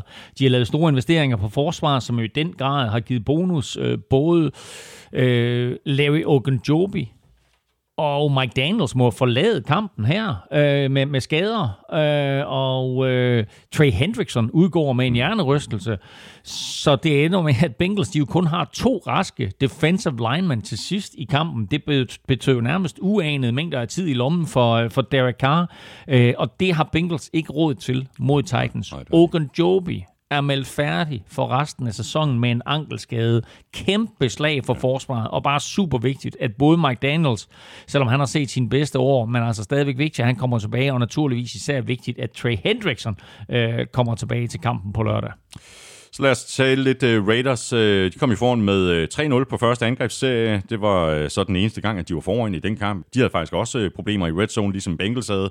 Der var for mange drives, der endte med et uh, field goal, også som det glæder dit uh, gamle hjerte, Elming. Um, dejlige hjerte. De havde, ja, de dejlige hjerte. Og så havde de altså også problemer med at konvertere på tredje down. Uh, det er altså den vigtige down at konvertere på, for ellers går det hele ligesom stå. Ja, jeg ved ikke, om det er vigtigt at konvertere på tredje down end på første og anden down, eller for en skyld på fjerde down. Det drejer sig om at flytte bolden og, og få første down, så, så er det jo lige meget, hvornår den kommer. Men grunden til, at man ofte fokuserer på tredje down, det er jo, at det tit er, er kortere situationer, og det er sådan noget, som er med til at flytte kæderne, og det er jo, hvis man ikke får den, jo kan resultere i et, i et punt eller et field goal.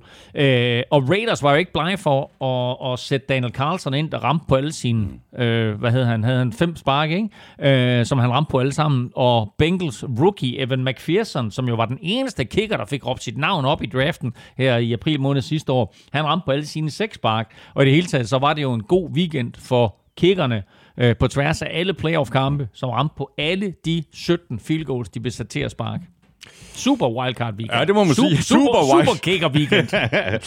Begge de fik jo øh, lagt øh, godt pres på øh, Derek Carr, i hvert fald i en, i en del af kampen. Øh, han havde en enkelt fumble, men når vi sådan ser tilbage på Raiders sæson, så er det vel i høj grad hans fortjeneste. Det tror jeg også, vi har talt om tidligere, Elming, at, at de overhovedet kom med i slutspillet.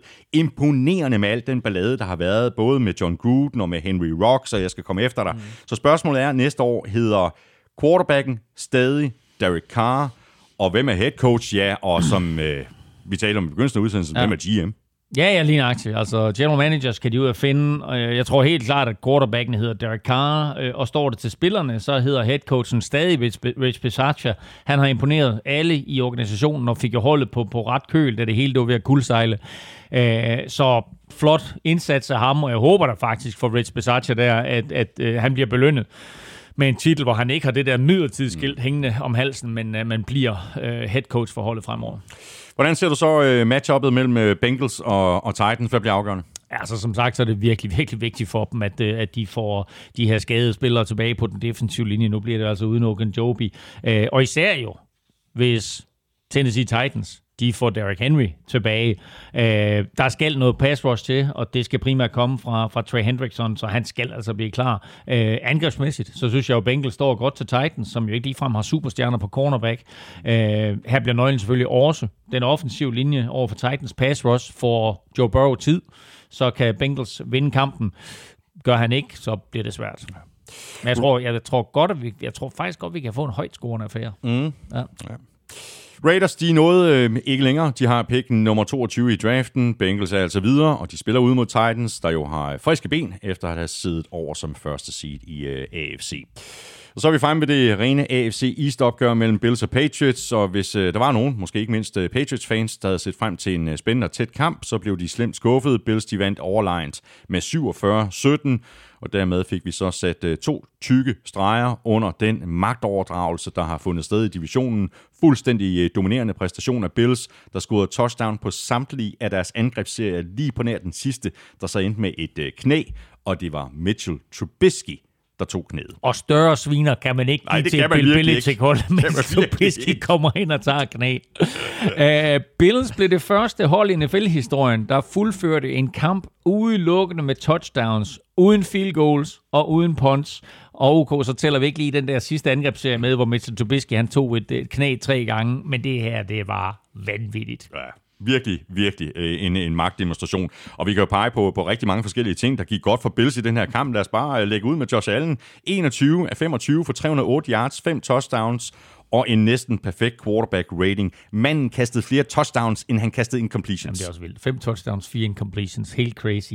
Um, jeg har jo ikke øh, på noget øh, øh, tidspunkt... Jo, det har jeg i gamle dage, hvor jeg, der, der gik jeg meget op i det der quarterback rating. Men, uh, men, men for mig, der er quarterback rating fuldstændig uh, ligegyldigt. Jeg synes ikke, det kan bruges til ret meget. Uh, derfor så er det også blevet omdøbt til, til passer rating. Uh, men den siger jo for eksempel ikke noget om, hvor mange sacks du tager, eller hvor meget du løb selv, eller hvor mange bolde din receiver taber, øh, eller hvor mange yards du for eksempel fik på pass interference, eller for en sags skyld, om du vandt eller tabte kampen. Øh, det mest latterlige ved passer rating er, at Josh Allen har en perfekt rating ind til sit sidste touchdown-kast fordi det touchdown-kast kun var på en yard til en offensive lineman. I øvrigt var der to offensive linemen, der scorede i den her weekend her. Det var meget sjovt.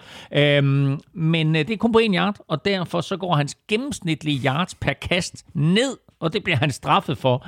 Øh, så øh, jeg vil sige det på den måde at han ikke får en perfekt quarterback rating i en kamp, som jeg vil betegne som en af de mest perfekte kampe, en quarterback nogensinde har spillet. Det er helt latterligt. Og med det sagt, så var det her nok den bedste kamp, Josh Allen har spillet på noget tidspunkt i NFL i sin karriere for Bills, og det kommer på det helt rigtige ja, tidspunkt ja. mod den helt rigtige modstander. ja, og der var faktisk heller ikke øh, noget piori fra Bill Belichicks øh, side efter kampen. Han, øh, han indrømmede, at Patriots var blevet udspillet og outcoached. Ja, øh, og, og, og fair nok, men det var sikkert ikke med hans gode vilje. Han, han stod der, ikke? Altså, øh, det er jo det er vildt med Bill Belichick, sådan, som han kan se ud på preskonferencer. Men øh, husk tilbage på, for tre uger siden, da Bills slog Patriots, der talte vi om, at det var første gang nogensinde et Bill Belichick-forsvar ikke havde fremtvunget et punt. Nu er det så anden gang begge gange af Bills, og så med tre ugers mellemrum. Det er altså meget sjældent, at sådan noget det sker for Bill Belichick. Du ved, hvordan det er med ham. Altså, han taber en kamp, giver ham et par uger, du ved, så får han rematch, og så kommer han ud med en eller anden monster gameplan. Men her, der bliver han og, og Patriots nærmest ydmyget to gange på tre uger. Nu skal Bills så sørge for at bygge videre på den her øh, magtdemonstration, og her er det vel, øh, er det vel vigtigt, at øh, den offensive koordinator, Brian Dable, holder fast i sådan at forsøge at gøre angrebet mere mm. balanceret, ja. end det var i begyndelsen af sæsonen, hvor det hele lå meget på, på Josh Allens skuldre. Devin Singletary fik øh, 81 yards og to touchdowns på 16 løb, og så løb Josh Allen jo selv bolden hvad løb han? 6, 6, 6 gange, 6 gange for, for, for 66 ja. yards. Og når de spiller så balanceret, når de spiller på den her måde, så er de altså svære at stoppe. Altså med far for at gentage mig selv, så skylder Bills faktisk Patriots en stor tak. For i den første kamp mellem de to hold, altså den der kamp, hvor Mac Jones han kastede bolden tre gange, ikke? der fandt Bills jo deres løbeangreb frem og fandt frem til den der kombination af, De- af Devin Singletary og Josh Allen. Og det har faktisk været nøglen til succes gennem den sidste måned og til øh, et angreb, som topper på det helt rigtige tidspunkt. Lad os så tale lidt uh, Patriots. Uh, det her nederlag, det er selvfølgelig ikke på Mac Jones' skuldre, uh, men han kaster altså et par, par interceptions.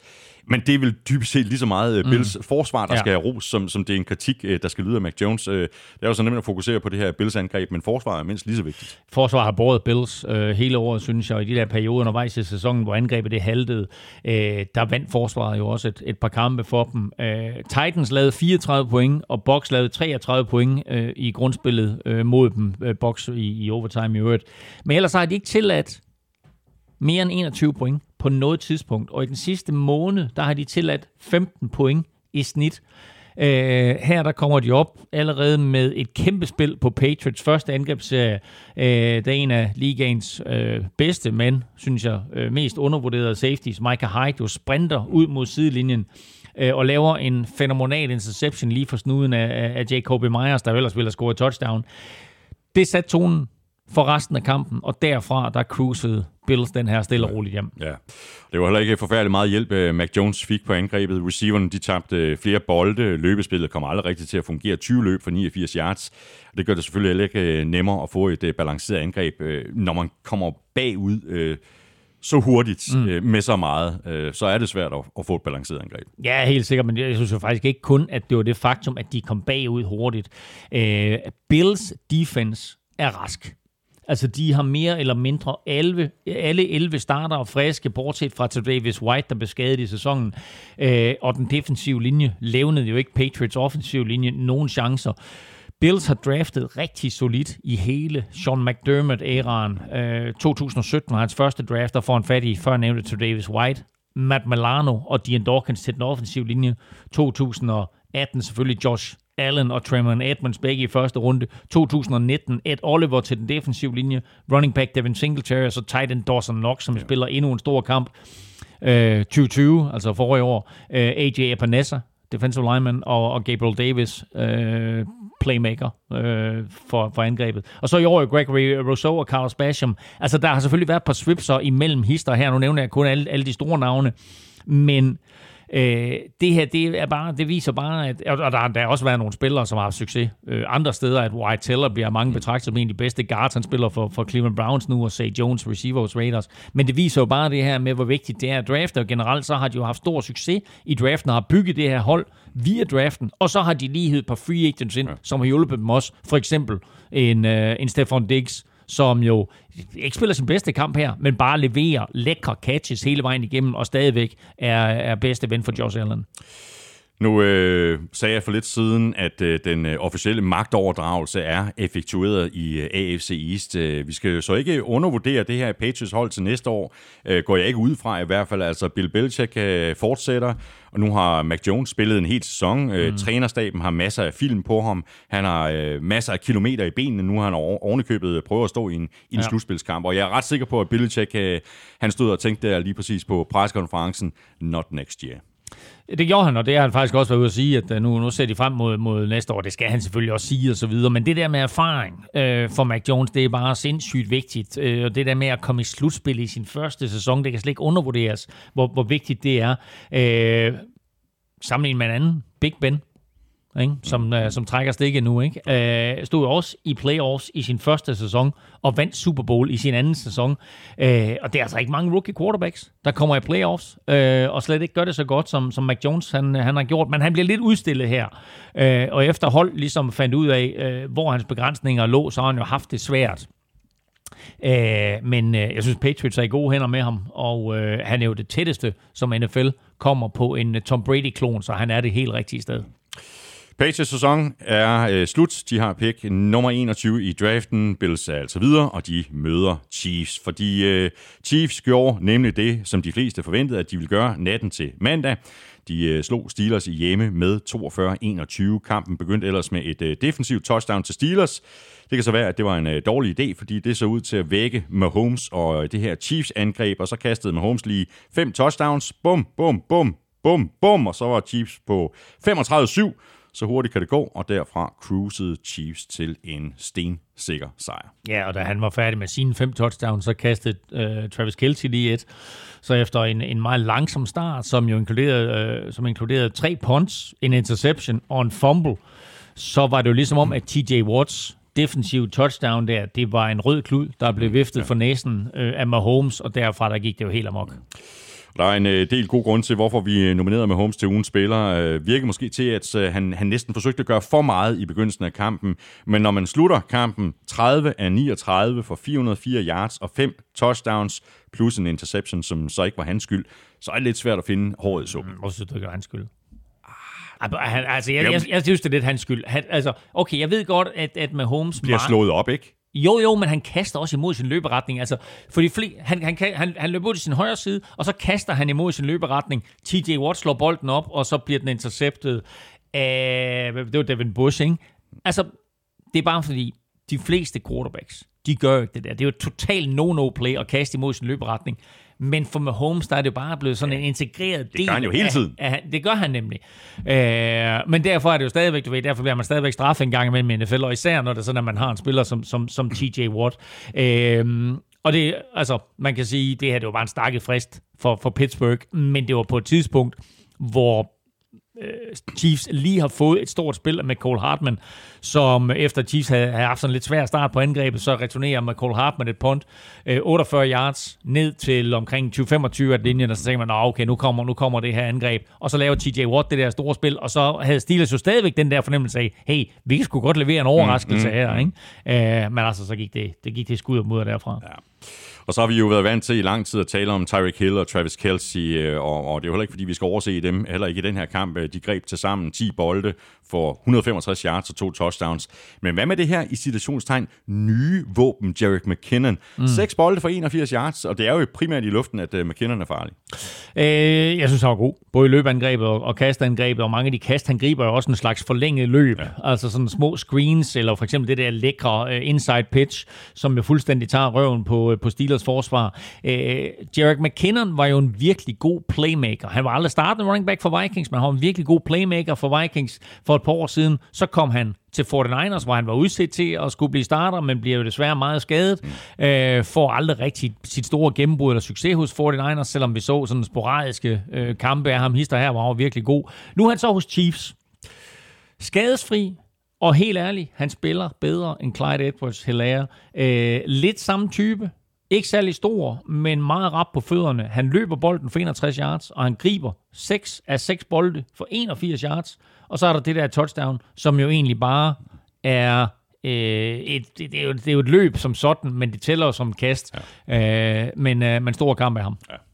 Var den her kamp et tegn på et, øh, et bevis på øh, Chiefs styrker, både offensivt og defensivt, eller kom den her store sejr i hus på sådan en lidt øh, billig baggrund? Altså, Steelers sneg sig lige akkurat med i slutspillet, mm. og der var jo ikke nogen, der sådan for alvor troede, at de ville kunne vinde den her kamp. Vil du ikke have haft Chargers eller Colts, og nu skal jeg være med at blive ved med at træde i det. Men 100, altså, 100 ja, gange heller. Det her, det var, undskyld Chiefs-fans, og til dels også undskyld Steelers-fans, det var en meget, meget billig baggrund at, at brillere på og gå videre på. Øh, Steelers var virkelig ringe offensivt, og øh, det var jo bare et spørgsmål om tid, før, før Chiefs de fik sat tingene på plads. Øh, der skal selvfølgelig en helt anden mentalitet til mod Bills, på søndag, fordi Chiefs kan ikke tillade sig at komme ud så visne, som de gjorde til den her kamp. Altså, der skulle lige det der touchdown til, ja. før det sådan, at Mahomes han lige knækkede nakken et par gange, og så sagde han, okay, lad os så komme i gang. Ja. Steelers, øh, de havde ikke meget at komme med i den her kamp, øh, hverken offensivt eller defensivt. Deres to øh, offensive touchdowns, det var garbage touchdowns, og så havde de det der defensive touchdown i begyndelsen af kampen. Det var vel defensiven, der skulle have præsteret på et helt andet niveau hvis de skulle have haft en chance. Ja, i hvert fald i de sidste tre quarters. Fordi de første, øh, for, i første quarter, der spiller de jo rigtig, rigtig fint. Men øh, da først med Holmes, han, han, øh, han gik berserk, så lignede forsvaret jo slet ikke sig selv. Øh, første quarter øh, holder de jo øh, med Holmes og company uden point. Øh, spiller meget aggressivt. Har en virkelig, virkelig god aura omkring sig hvor de jo fejrer store spil og, og fløj rundt over det hele. Øhm, så kommer det defensiv touchdown fra TJ Watt. Og så scorer Mahomes tre touchdowns på 6 minutter. Inklusiv det tredje, hvor han kører 80 yards på 39 sekunder. Og der gik luften ud af ballonen for Steelers. Så jeg vil lige øh, notere, at uh, Najee Harris uh, fumblede for oh. første gang i sin uh, NFL-karriere. Mist en fumble. Ja. Øh, så spillede TJ Watt selvfølgelig endnu en god kamp. Øh, han er en af de absolute favoritter til at blive øh, Defensive Player of the Year, også selvom Steelers altså er ude af slutspillet. Ja, ja. Afstemningen er jo slut jo. Øh, alt, hvad der sker i playoffs, tæller ikke med til øh, alle de her forskellige koringer, MVP, Offensive Player, Defensive Player osv. Øh, men ellers kan man bare sige, så har han gjort sin sag endnu bedre. Uh, det er ham, der slår bolden op i luften, som sagt, uh, på den der interception med Holmes. Og TJ Watts gode års karrierens første touchdown her, som jo bragte Steelers foran, og som jo vidderligt gav dem håb om en overraskelse. Men uh, jeg tænker, at hans 22,5 sack i grundspillet er nok til at give ham titlen. Det her, det var så uh, Big Bens uh, farvelkamp, uh, i hvert fald som uh, Steeler. Det bliver meget interessant at se, hvilken vej de går i, i free agency mm. og senere i draften. Ja, og jeg vil lige komme tilbage, lad mig lige komme tilbage til det der med, med, med draften. Um, det, han er, altså, jeg forestiller mig ikke, at Big Ben kommer tilbage på nogen måde. Den afsked, han fik i Pittsburgh for et par uger siden, øh, siger alt om, at, at, at, at det er slut, det her. Øh, og den måde, han talte til pressen efter kampen her, øh, hvor han sagde, at nu vil han fokusere på at blive en god familiefar, og han var lidt nervøs for, hvad fremtiden den bragte. Det siger også, at, at han er færdig, øh, og at vi har set det sidste til Big Ben. Han har haft en vild karriere. Altså, han blev draftet i første runde i 2004. Han har spillet 18 sæsoner, vundet to Super Bowls, har aldrig tabt flere kampe i en sæson, end han har vundet. Og så den vilde statistik. I alle hans 18 sæsoner, der har han kun spillet to kampe, hvor Steelers ikke enten var i slutspillet, eller havde mulighed for at komme i det. Crazy. Det er altså imponerende. Ja, det to er det, kampe Det er det virkelig. på 18 år, der har de, eh, der har de haft slutspil inden for rækkevidde. Øh, altså, der har de ikke haft slutspil inden for rækkevidde, så har, har alle de her kampe, han har spillet, der har de alle sammen været, været i spil til at komme i slutspillet og være i slutspillet. Øh, med hensyn til quarterback og hvad de gør, så øh, kan man gå lidt historisk tilbage i tiden. Fordi øh, der var en quarterback for mange år siden, der spillede for det college, der hedder Pitt, som øh, selvfølgelig ligger i Pittsburgh. Og den quarterback valgte Steelers ikke at drafte. Og det kom til at jagte dem i mange, mange år efter. Den quarterback hed Dan Marino. Han faldt i stedet for mere eller mindre igennem hele første runde og blev til allersidst valgt af Miami Dolphins. Og øh, så spillede han dernede og fik en gloværdig karriere, som i modsætning til Big Ben ikke gav nogen Super Bowl sejre. Han var faktisk kun i Super Bowl en gang, men Dan Marino blev stadigvæk betragtet som en af de bedste quarterbacks nogensinde. Den måske bedste quarterback i den her draft hedder Kenny Pickett. Hvor spiller han? Han spiller for Pitt. Og på den måde, som draften ser ud til at udfolde sig nu, der er der en vis sandsynlighed for, at han falder ned til midt i første runde. Og der kunne man måske se mm-hmm. Pittsburgh trade op og tage den lokale knægt og gøre ham til quarterback. Og gøre op med alle de her mange års frustration over, at de aldrig draftede Dan Marino. Steelers, øh, de kommer altså ikke videre. De har pick nummer 20 i draften. Chiefs, de er videre til divisional-runden, hvor de får besøg af Bills. Og det bliver jo en fantastisk kamp, den der, mellem, øh, mellem Chiefs og Bills. Altså, det bliver jo en Ja, et gentagelse. matchup. bliver en gentagelse af sidste års AFC-finale, Ja. hvor, hvor Chiefs vandt 38-24, men bliver også en rematch af den her sæsons kamp i grundspillet øh, mellem de to, hvor, hvor Bills jo vandt 38-20. Det var vel at mærke, inden Chiefs sådan for alvor fandt melodien. Ikke? Øh, I weekenden her, Super Wildcard Weekend, der er der to hold, der er virkelig, virkelig super. Ikke? Det er Chiefs, der scorer seks touchdowns i træk. Det er Bills, der scorer syv touchdowns i træk. Chiefs lavede 42 point, Bills lavede 47. Altså man kan håbe på noget tilsvarende. Øh, men når det så er sagt, så kan man også vende det om at sige, Chiefs tillod 21 point. Bills tillod 17. Og jeg tror mere, det er den retning, vi skal kigge i. Mm. Selvom der er masser af offensive stjerner i kampen her, så bliver det forsvaret, de to forsvarer, der, der, der skal afgøre den. Hvem kan få lagt mest pres på modstandernes quarterbacks? Hvem kan fremtvinge turnovers? Kan Josh Allen øh, gøre det igen? Kan Chiefs holde Josh Allen fra at løbe? Kan Bills holde Travis Kelce og, og Tyreek Hill i, i, i skak? Jeg har ingen anelse om, hvordan de her to hold de kommer til at matche hinanden, eller hvilke taktiske finurligheder de her to trænere, de hiver op af hatten.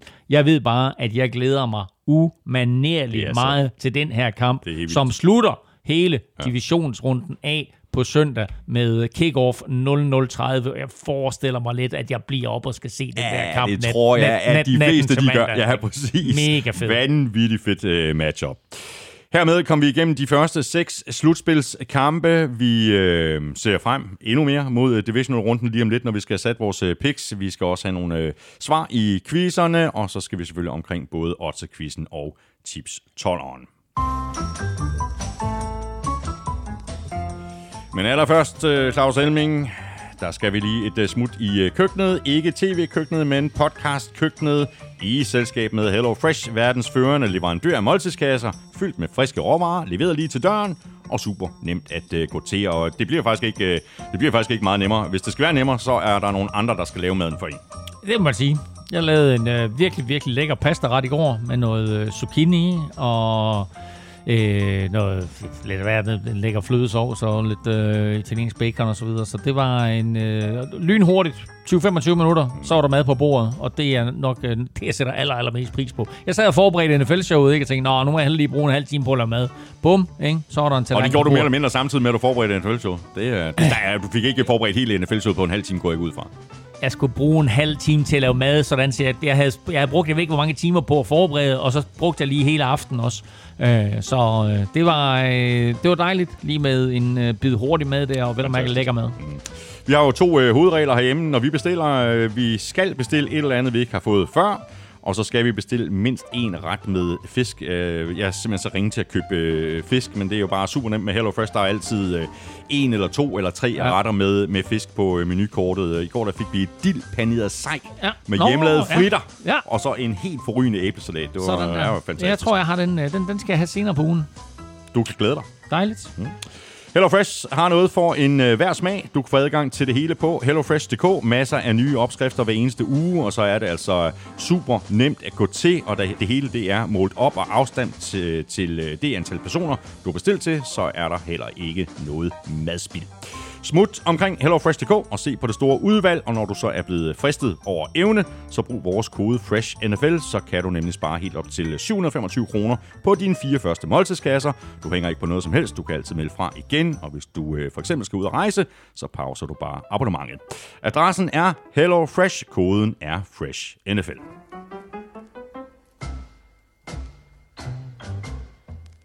Du elsker det. Det er meget godt timet, ikke?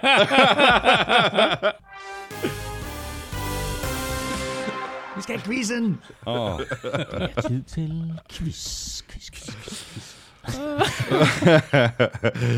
Ja, det var meget godt timet. Ja. ja. Godt. Nu skal vi have et par øh, rigtige svar her i øh, quizerne, forhåbentlig da. Ja. Og quizerne præsenteres i samarbejde med Bagsvalle Chris. La quiz. La quiz, ula la. Ah, oui, oui. Nå. Oui, oui. Jamen, øh, du får, du får lov til at lægge ud. Øh, kort fortalt, hvilken quarterback har som den eneste løbet for mindst syv touchdowns de seneste to sæsoner. Ja, øh, og jeg kan jo lige så godt øh, komme i gang øh, med det her, fordi øh, da du stillede spørgsmålet i begyndelsen af udsendelsen, der skrev jeg med det samme et navn ned. Ja. Øh, og jeg skrev Josh Allen. Ja, han havde 8 sidste år. Han havde kun 6 i år. Men er det ikke det samme som 7 og 7 så? Ikke helt. Det giver 14. Ikke helt. Nå, Du skal have haft min, mindst 7 i begge sæsoner. yes. Godt. Jamen, øh, bum bum. Hvem kunne det ellers være? Øh, Patrick Mahomes? Nej, han har faktisk ikke løbet ret mange ind i år. Patrick Mahomes, Patrick Mahomes, Patrick Mahomes. Han er helt nede. Han har kun løbet to ind i år. Kyler Murray? Oh, se, nu nærmer vi os noget. Kyler Murray sidste år havde næstflest med 11, og han havde i år 5. Ja, og øh, jeg kunne også godt skyde på Russell Wilson. Det er det heller ikke. Nej. Øh, det er heller ikke. Jeg tror faktisk, Cam Newton han løb en del ind i begyndelsen af sæsonen i år. Ja. Ja. Jeg kan ikke huske, hvordan det gik for ham sidste år. Jeg vidste ikke så forfærdeligt godt. Øh, Nej, han løb kun 12 ind sidste år. Han Nå, han, okay. Han førte kun alle spillere sidste år. er det rigtigt? Ja, altså alle, alle, alle ja, ja, ja. quarterbacks. ja, ja. Jo.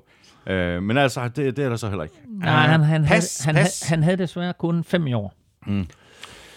Uh, Godt. Sam Darnold løb også en, en, en del ind i begyndelsen af sæsonen. Sam Darnold, ja, men jeg tror slet ikke, han var på listen sidste år. Og han endte på 5 i år i øvrigt. Øhm, hvad med en Taysom Hill? Nej. Hvad? 8 sidste år. Syv. 8, 8 sidste år, 5 i år. Okay, Nå. close. Han er med i slutspillet. Yes. Øh, bum, bum, bum. Og har ikke... Nej. Giv mig lige to sekunder. Ja. Øh, så er det Tannehill. Det er nemlig fuldstændig korrekt. Ryan Tannehill, Ryan Tan- Tannehill, Ryan, Ryan Tannehill er den eneste. Han løb syv sidste år, og han løb syv i år. Okay. Jamen, øh, jeg var også øh, stort set igennem øh, halvdelen af, af quarterbacksene i ligaen. Nej, nej, jeg synes, du gjorde det godt. Tak, tak. Ja. Nå, så var der... Øh, det er quizzen. Ja, Spørgsmålet fra Armstrong. Hvornår vandt Patriots deres... Øh, hvordan, hvornår vandt Patriots sidst en slutspilskamp? jeg tror faktisk måske, jeg har nævnt kampen i den her udsendelse. Øhm, Patriots var ikke i slutspillet sidste år. Og de tabte i wildcard-runden til Tennessee Titans for i år.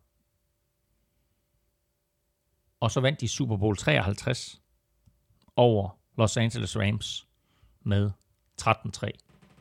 Og det tror jeg var deres sidste sejr. Det er fuldstændig korrekt. Det var øh, efter 2018-sæsonen, det var Super Bowl, der blev spillet i, hvad var det, begyndelsen af februar i 2019.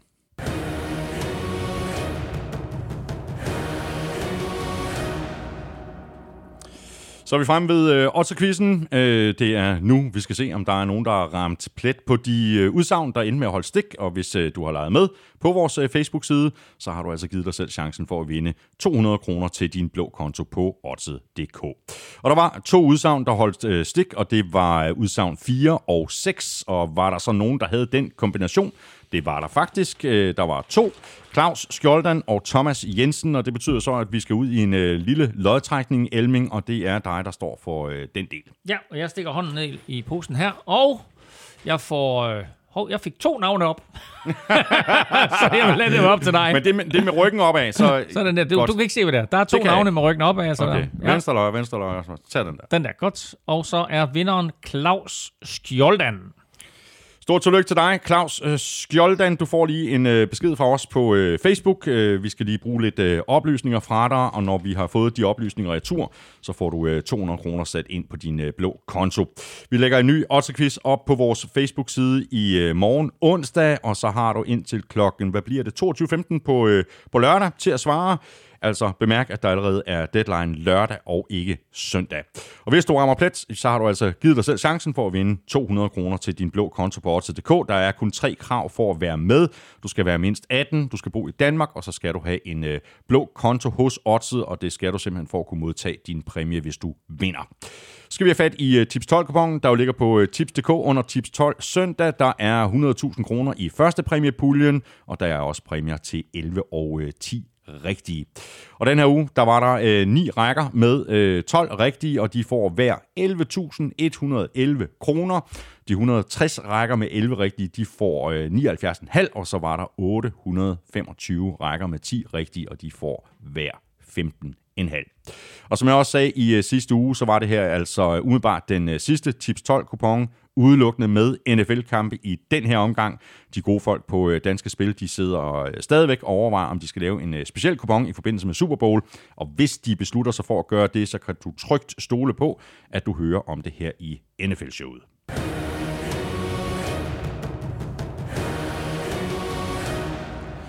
Og nu skal vi have valgt øh, kampe. Vi er altså nået til øh, divisional-runden. Inden vi laver vores picks, så skal vi lige have et øh, frisk indspark her fra The Stat Man, Lukas Willumsen, der skriver sådan her. Thomas er den ukronede konge af picks i slutspillet, og det kom også til udtryk i seneste runde. Thomas havde fuld plade, vandt runden med 6-4, hvilket nu bringer den samlede stilling op på 173-171 i Claus' favør. Det spidser dermed for alvor til, og i den kommende runde handler det primært om overlevelse for Claus. 10 gange har I historisk været uenige i picks i slutspillets divisional rounds, og når det er sket, så fører Thomas 9 1. at øh, Thomas så er gået med det lavt seedede hold i denne runde 92% af gangene, og at Claus som regel har haft noget at indhente, kan måske også have spillet ind. For en sjældent gang skyld er det dog Claus, der nu er i førersædet, så måske billedet ændrer sig.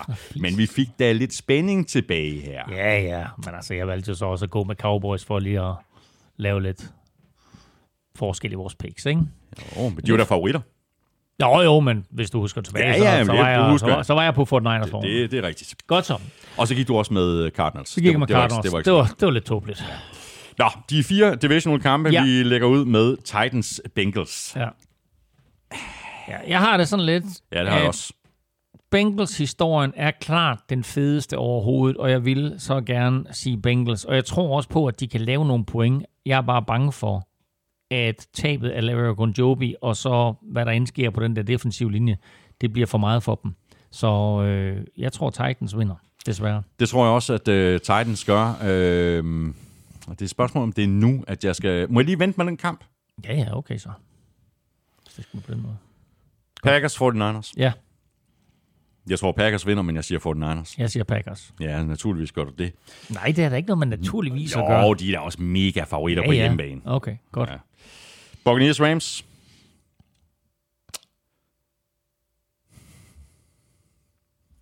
Og så? Buccaneers er forsvarende mester. De spiller på hjemmebane.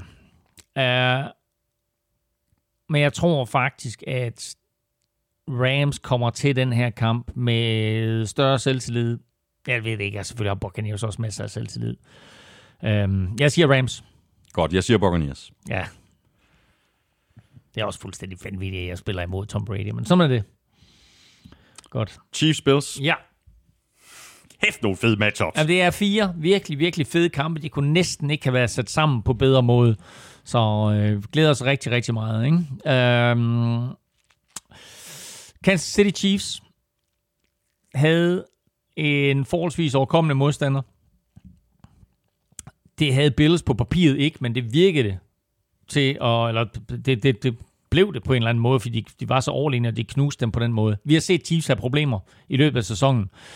Vi har set dem vinde på heldige kampe, og øh, vi har også set dem tabe nogle kampe, hvor de var op imod øh, bedre modstand, end de var i, i øh, søndags imod Steelers. Så jeg vælger at sige, at Buffalo Bills, de får revanche for sidste års nederlag i AFC-finalen, og de vinder den kamp her.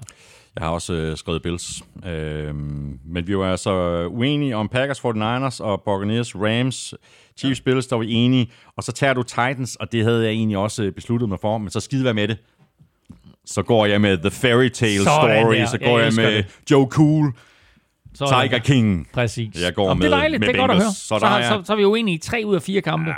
Der, det kan blive både en, en dreng og en pige. Tak for det, Emling. Fornøjelse som altid. Jamen i lige måde, Simon, hvad, hvad, var det for en kamp, vi var enige om? Vi var da ikke, vi var da ikke, tog du Bills, eller tog du Chiefs? Jeg tror også Bills. Du tog også Bills. Okay, okay derfor. Godt. Så det er den eneste, vi var enige om. Ja. Godt så. Fuldstændig korrekt. Er du have Chiefs? Nej. Okay, godt så. Hey, slutspillet er i gang. Det var ikke super, det vi fik at se i weekenden. Men fald ikke det hele. Men det er super fedt, at vi er i gang, og nu kommer vi til en super fed weekend. Så husk det fremover derude. Det er ikke wildcard-runden, men divisional-runden, som er årets fedeste fodbold-weekend. Tak for øh, i dag. Fornøjelse. Tak også til dig, fordi du lyttede med. Og her er lige et øh, lille heads up i forhold til en ny podcast her i Kvartrup Media. Golfshowet går nemlig i luften næste tirsdag, tirsdag den 25. januar, og du kender verden, det er nemlig Søren Armstrong, og han får selskab af den øh, tidligere professionelle golfspiller Andreas Hardø hver eneste tirsdag, så hvis du er bare det mindste interesseret i golf, så skulle du tage at øh, lytte med, og hvis du ikke selv er interesseret i golf, men kender nogen, der er, så prik lige dem på øh, skulderen. Tak for i dag. Hvis du synes om det, vi laver, så kan du overveje at give os fem store stjerner og en anmeldelse enten i Apple Podcast eller i Spotify. Du kan også støtte os med et øh, valgfrit beløb på tier.dk titaler.dk. Du kan også bare trykke på linket øverst på nflsød.dk. Det ligger lige ved siden af linket til webshoppen, hvor du køber lidt af vores merchandise. Tak til alle, der har handlet. Tak til alle, der støtter på øh, tier.dk. Vi kunne ikke gøre det uden jeres opbakning. Og hvis du vil i øh, kontakt med os, så kan du række ud efter os på både Twitter, Facebook og Instagram. Der kan du kommentere til spørgsmål, og det kan du også på mailsnablag.nflshow.dk. Følg Mr. Elming på Twitter på snablag NFLming. Mig kan du følge på snablag Thomas Kvartrup. Kæmpe stort tak til vores gode venner og samarbejdspartnere fra Tafel og Odset fra Danske Licensspil. Husk at støtte dem, de støtter nemlig os. Og i forhold til Odset, Husk, at man skal være minimum 18 år og spille med omtanke. Har du brug for hjælp til spilafhængighed, så kontakt Spillemyndighedens hjælpelinje Stop Spillet eller udluk dig via Rufus. Regler og vilkår gælder. tak også til uh, Char Broil for at være med os igen her i uh, slutspillet. Husk at sende dit øh, svar på ugens øh, quiz-spørgsmål øh, ind på mailen, så har du nemlig chancen for at vinde en super fed grill, en Charbroil Grill to go, plus det løse. Og husk også tilbuddet fra HelloFresh.dk. Hvis du ikke allerede er kunde hos dem, så kan du blive det i en fart, og du kan ovenikøbet spare helt op til 725 kroner på dine fire første måltidskasser, og det kan du altså, hvis du bruger vores kode FRESH NFL. Vi er tilbage igen i næste uge med en helt ny og fresh udgave af NFL-showet. Tak for nu, og Elming, du sidder og rækker fingeren så, så pænt i vejret. Jamen, jeg vil bare lige slutte af med at sige, har du mere, du skal sige? Nej, jeg har lige øh, rulleteksterne. Nå, jamen, det, det er jeg bare på efter rulleteksterne, men altså, hvis det ikke kan være anderledes, så kommer jeg på nu, og det var bare, jeg vil sige, at øh, fire hold er videre. Fire, øh, undskyld, seks hold er videre. Øh, seks hold er... Nej, ikke seks hold. Tre hold er videre. Det tager den igen. det er faktisk er videre. Lige et øjeblik. Lige et øjeblik. Elming, du sidder og rækker fingeren så, så pænt i vejret. Du Det kan gør jeg. sige noget. Jamen, det er fordi, der er seks hold, der er videre. og der er seks hold, der er ude. Og øh, en af de mest øh, skuffende hold, der er ude, øh, ikke mindst for deres egen selvforståelse, det er selvfølgelig øh, Dallas Cowboys. Det her, det skulle have været deres succes-sæson, men de er stadigvæk i øh, playoff-krise. Og det her, det var sådan lidt en statistik, jeg brændte ind med i løbet af NFL-showet, så jeg har bare lyst til at fyre den af. Og det er, at hvis man ser på playoff-sejre i de sidste 25 sæsoner, så har Jake Delhomme 5, Trent Dilfer har 5, Mark Sanchez har 4, Brett Johnson har 4, Colin Kaepernick har 4, og Dallas Cowboys har 3.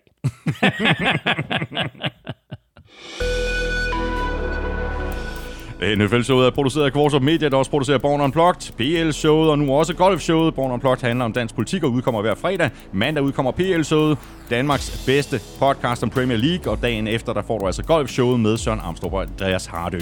Husk også Vel Europa-podcasten, hvis du er til cykelsport, og så er Hjelming og jeg ellers tilbage i næste uge. Ha' det godt så længe. Hot, hot.